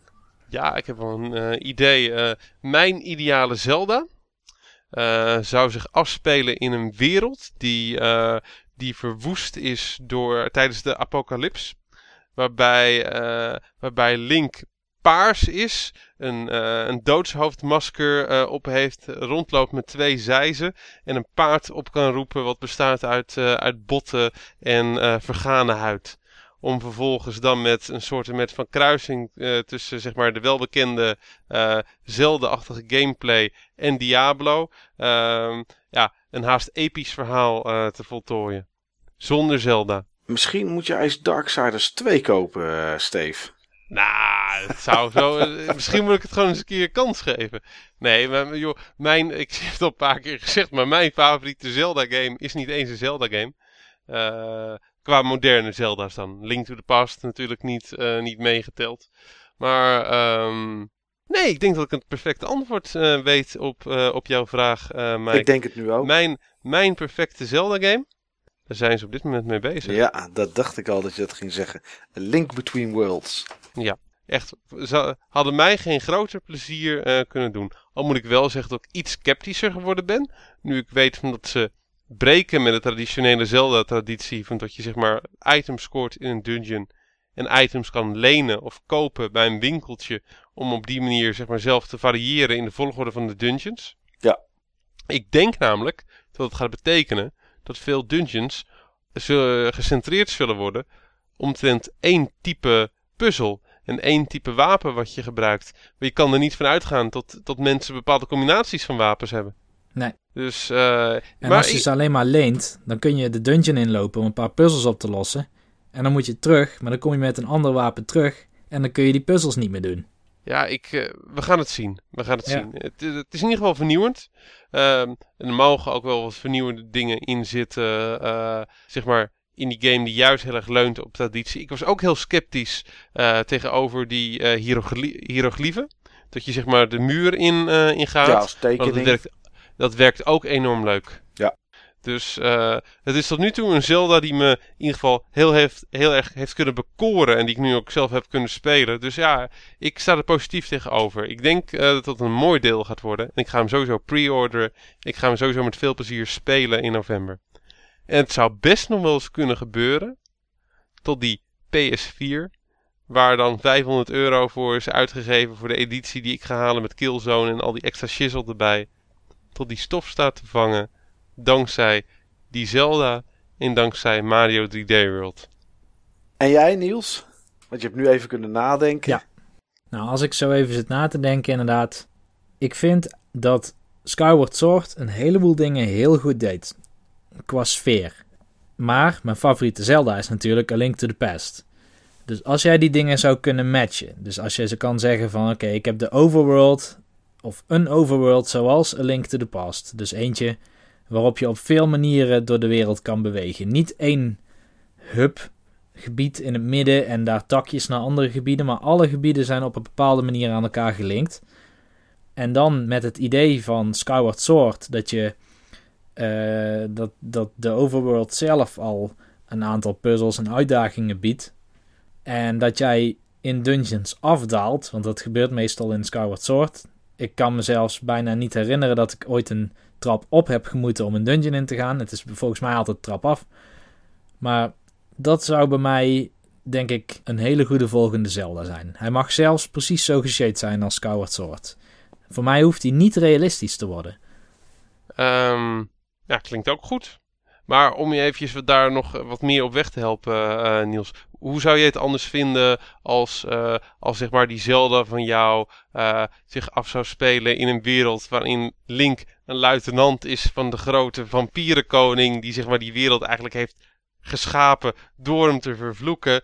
En tot binnen de eerste twee minuten de, de vleugels die Link uh, uh, heeft gekregen als eerste door die vampierenkoning worden afgerukt. En die vervolgens zeg maar door de andere luitenants van die vampierenkoning in het water wordt gegooid. Waar vampiers niet tegen kunnen. En dat die eeuwen later weer door een oude god tot leven wordt uh, gewekt om wraak te nemen. Ook zonder Zelda trouwens. Volgens mij heb je het nou weer over Darksiders 2.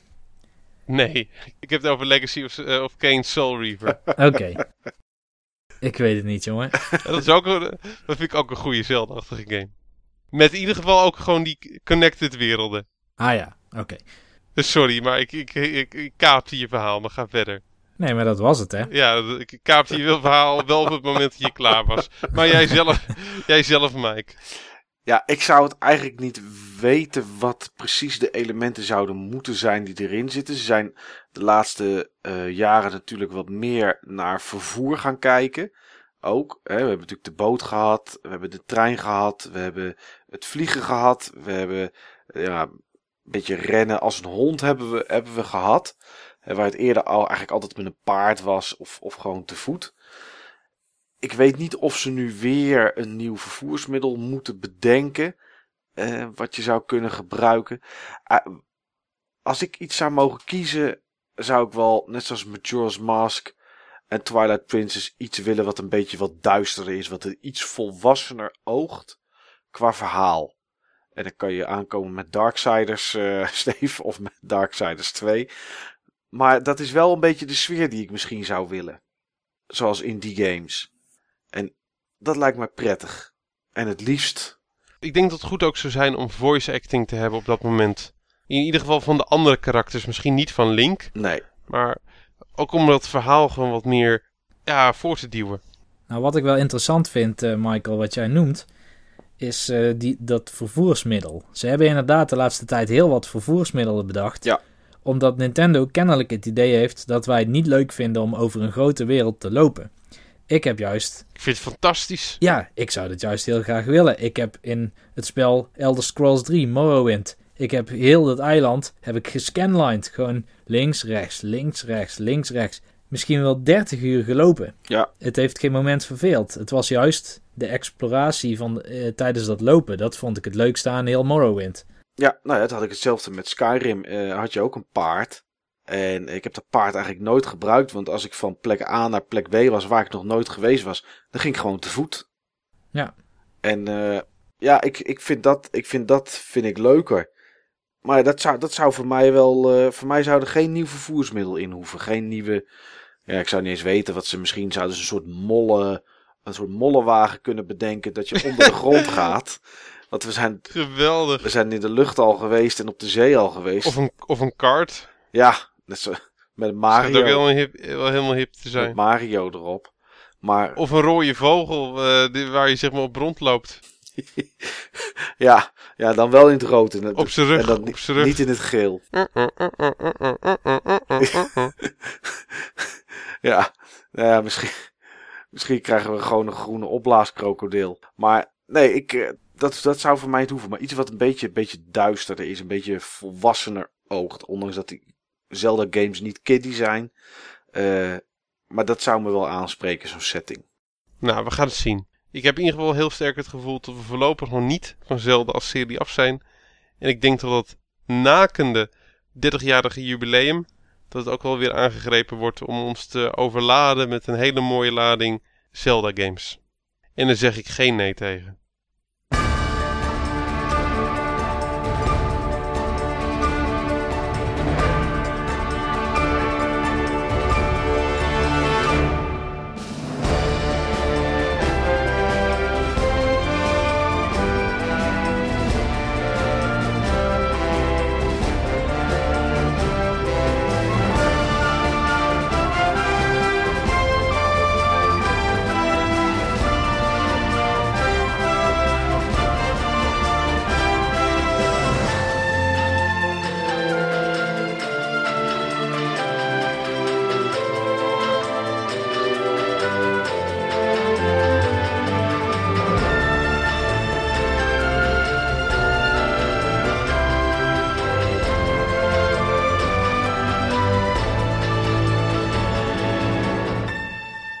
Denk dat dat wel redelijk het eind is van ons mooie Zelda-overzicht. Dat denk ik ook wel.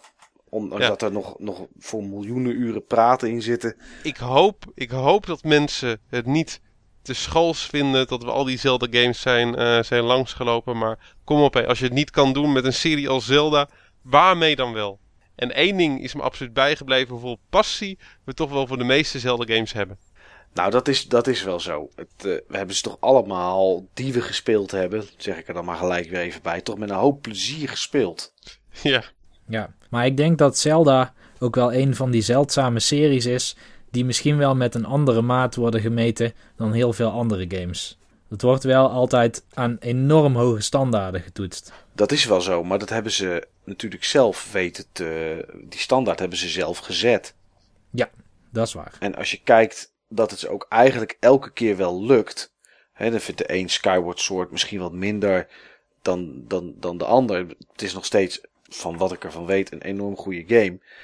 Mhm. Kijk naar Mario, om maar even een andere Nintendo franchise te nemen. Die doet het niet elke titel echt heel goed. En dat is, ja, dat is bij Zelda wel. En daar proberen ze toch ook elke keer weer wat anders. Bij Mario heb je Galaxy en uh, Sunshine en weet ik veel wat allemaal gehad. En ja, voor de een pakt dat toch sneller wat minder goed uit dan voor de ander. En dat heb ik het gevoel dat het bij Zelda niet is. Eens. Nou, ik ben in ieder geval heel benieuwd waar Nintendo ons de komende jaren mee gaat verrassen. Ja, zeker weten. Als het maar niet met motion controls is. Dank u wel. Nou, ik denk dat die redelijk inmiddels uit zijn, uh, Mike. Ja, denk ik ook dus wel. dat gaat wel goed komen. Ja, als, leuk als gimmick erbij, maar niet als core mechanic. Nou, als er nog een serie is waarvan jullie denken dat die een vergelijkbare hoeveelheid aandacht uh, verdient als, uh, als Zelda, laat het vooral weten. Ik kan er zeer waarschijnlijk dan niet dezelfde hoeveelheid enthousiasme in uh, inleggen als dat ik met Zelda kan. Maar hopelijk kan een van de andere mannen dat dan wel. Nou, met z'n drieën komen we er altijd wel. Oh ja, met z'n drieën komen we er altijd wel. Vind ik mooie laatste woorden voor deze podcast. Willen jullie daar nog wat aan toevoegen, mannen? Nou ja, het waren mijn laatste woorden, dus ik, ik niet. En jij, Niels, om ervoor te zorgen dat het uh, meneer hier niet het laatste woord heeft? Make me Mm. proud. Nee. Knip het maar weg en laat hem maar het laatste woord hebben. Ja. Mensen, veel plezier. Tot de volgende keer. En heeft een van jullie nog een mooie link uh, uh, to the past liggen, card only of wat dan ook, voor de heer uh, Mike hier? Stuur me eventjes een pb'tje, stuur me even een bericht en maak die jongen blij joh. Nou, dat vind ik een mooie oproep, Steve. Tot de volgende keer. Tot de volgende keer.